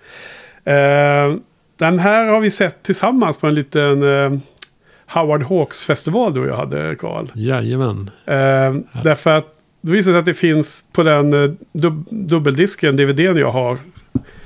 Då finns det ju två versioner av filmen. Det var en från 46 och en från året innan som var någon klippning som typ inte släpptes eller sådär. Kommer du ihåg det? Ja, just det. Så kollade vi båda och såg, eh, jämförde dem. Men jag tyckte nog att den eh, ordinarie versionen var bäst ändå. Ja, Så. absolut. Yes.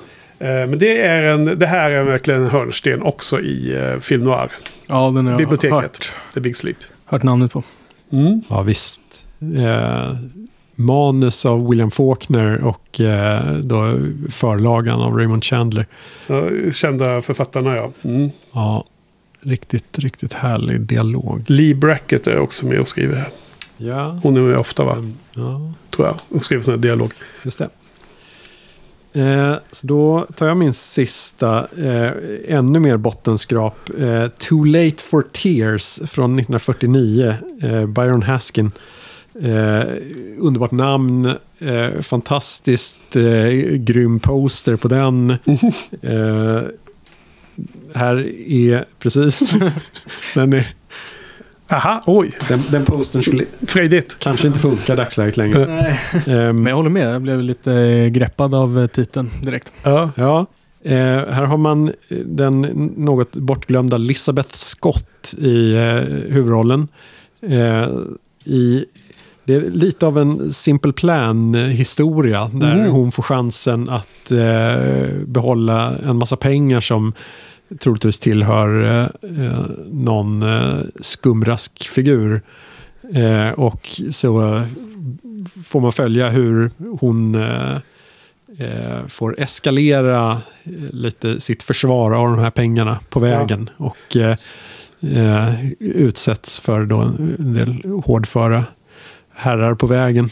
Um, hon är väl lite bortglömd av, av en anledning att hon inte riktigt kan mäta sig med alla de här andra stjärnorna som vi har nämnt. Men jag tycker ändå att den här är väldigt eh, fascinerande för att den lyckas där Simple Plan inte riktigt gjorde. Eh, och eh, handlar väldigt mycket om det här om tillfället gör tjuven eller om den bara ger tjuven ett, en möjlighet att visa sitt rätta jag. Ja. Ehm, och där har man verkligen mycket av den här eh, existentiella och moralkampen i, i film noir som är väldigt viktig. Cool. Mm. Där har vi Tack tio- för det. tio Tio bra tips. Mm. Ja, Får jag beta av så småningom. Som sagt, oändlig lista. Med, jag får eh, skriva, in, eh, skriva in de här förslagen i show notes till Mm. podden, poddavsnittet. ja. Och tack Karl för att du deltog i den här lilla övningen.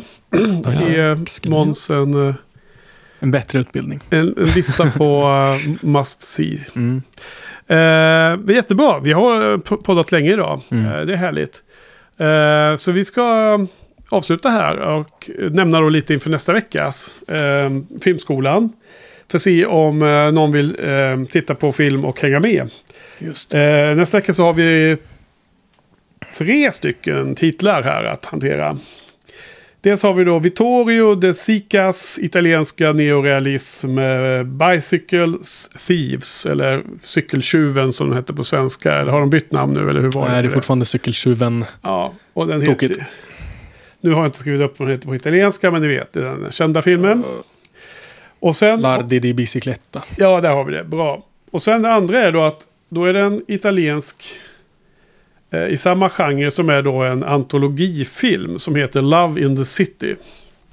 Och där ska ni se eh, en, ett element av de kortfilmerna som är, eller de, om det är fyra eller fem Mm. delar. Fylla ut filmvisningen tror jag. Ja, Precis, för att den eh, cykeltjuven är 89 minuter. Mm. Och då är det då den, det elementet som heter Story of Caterina. Och den är filmad av, regisserad av Francesco Maselli.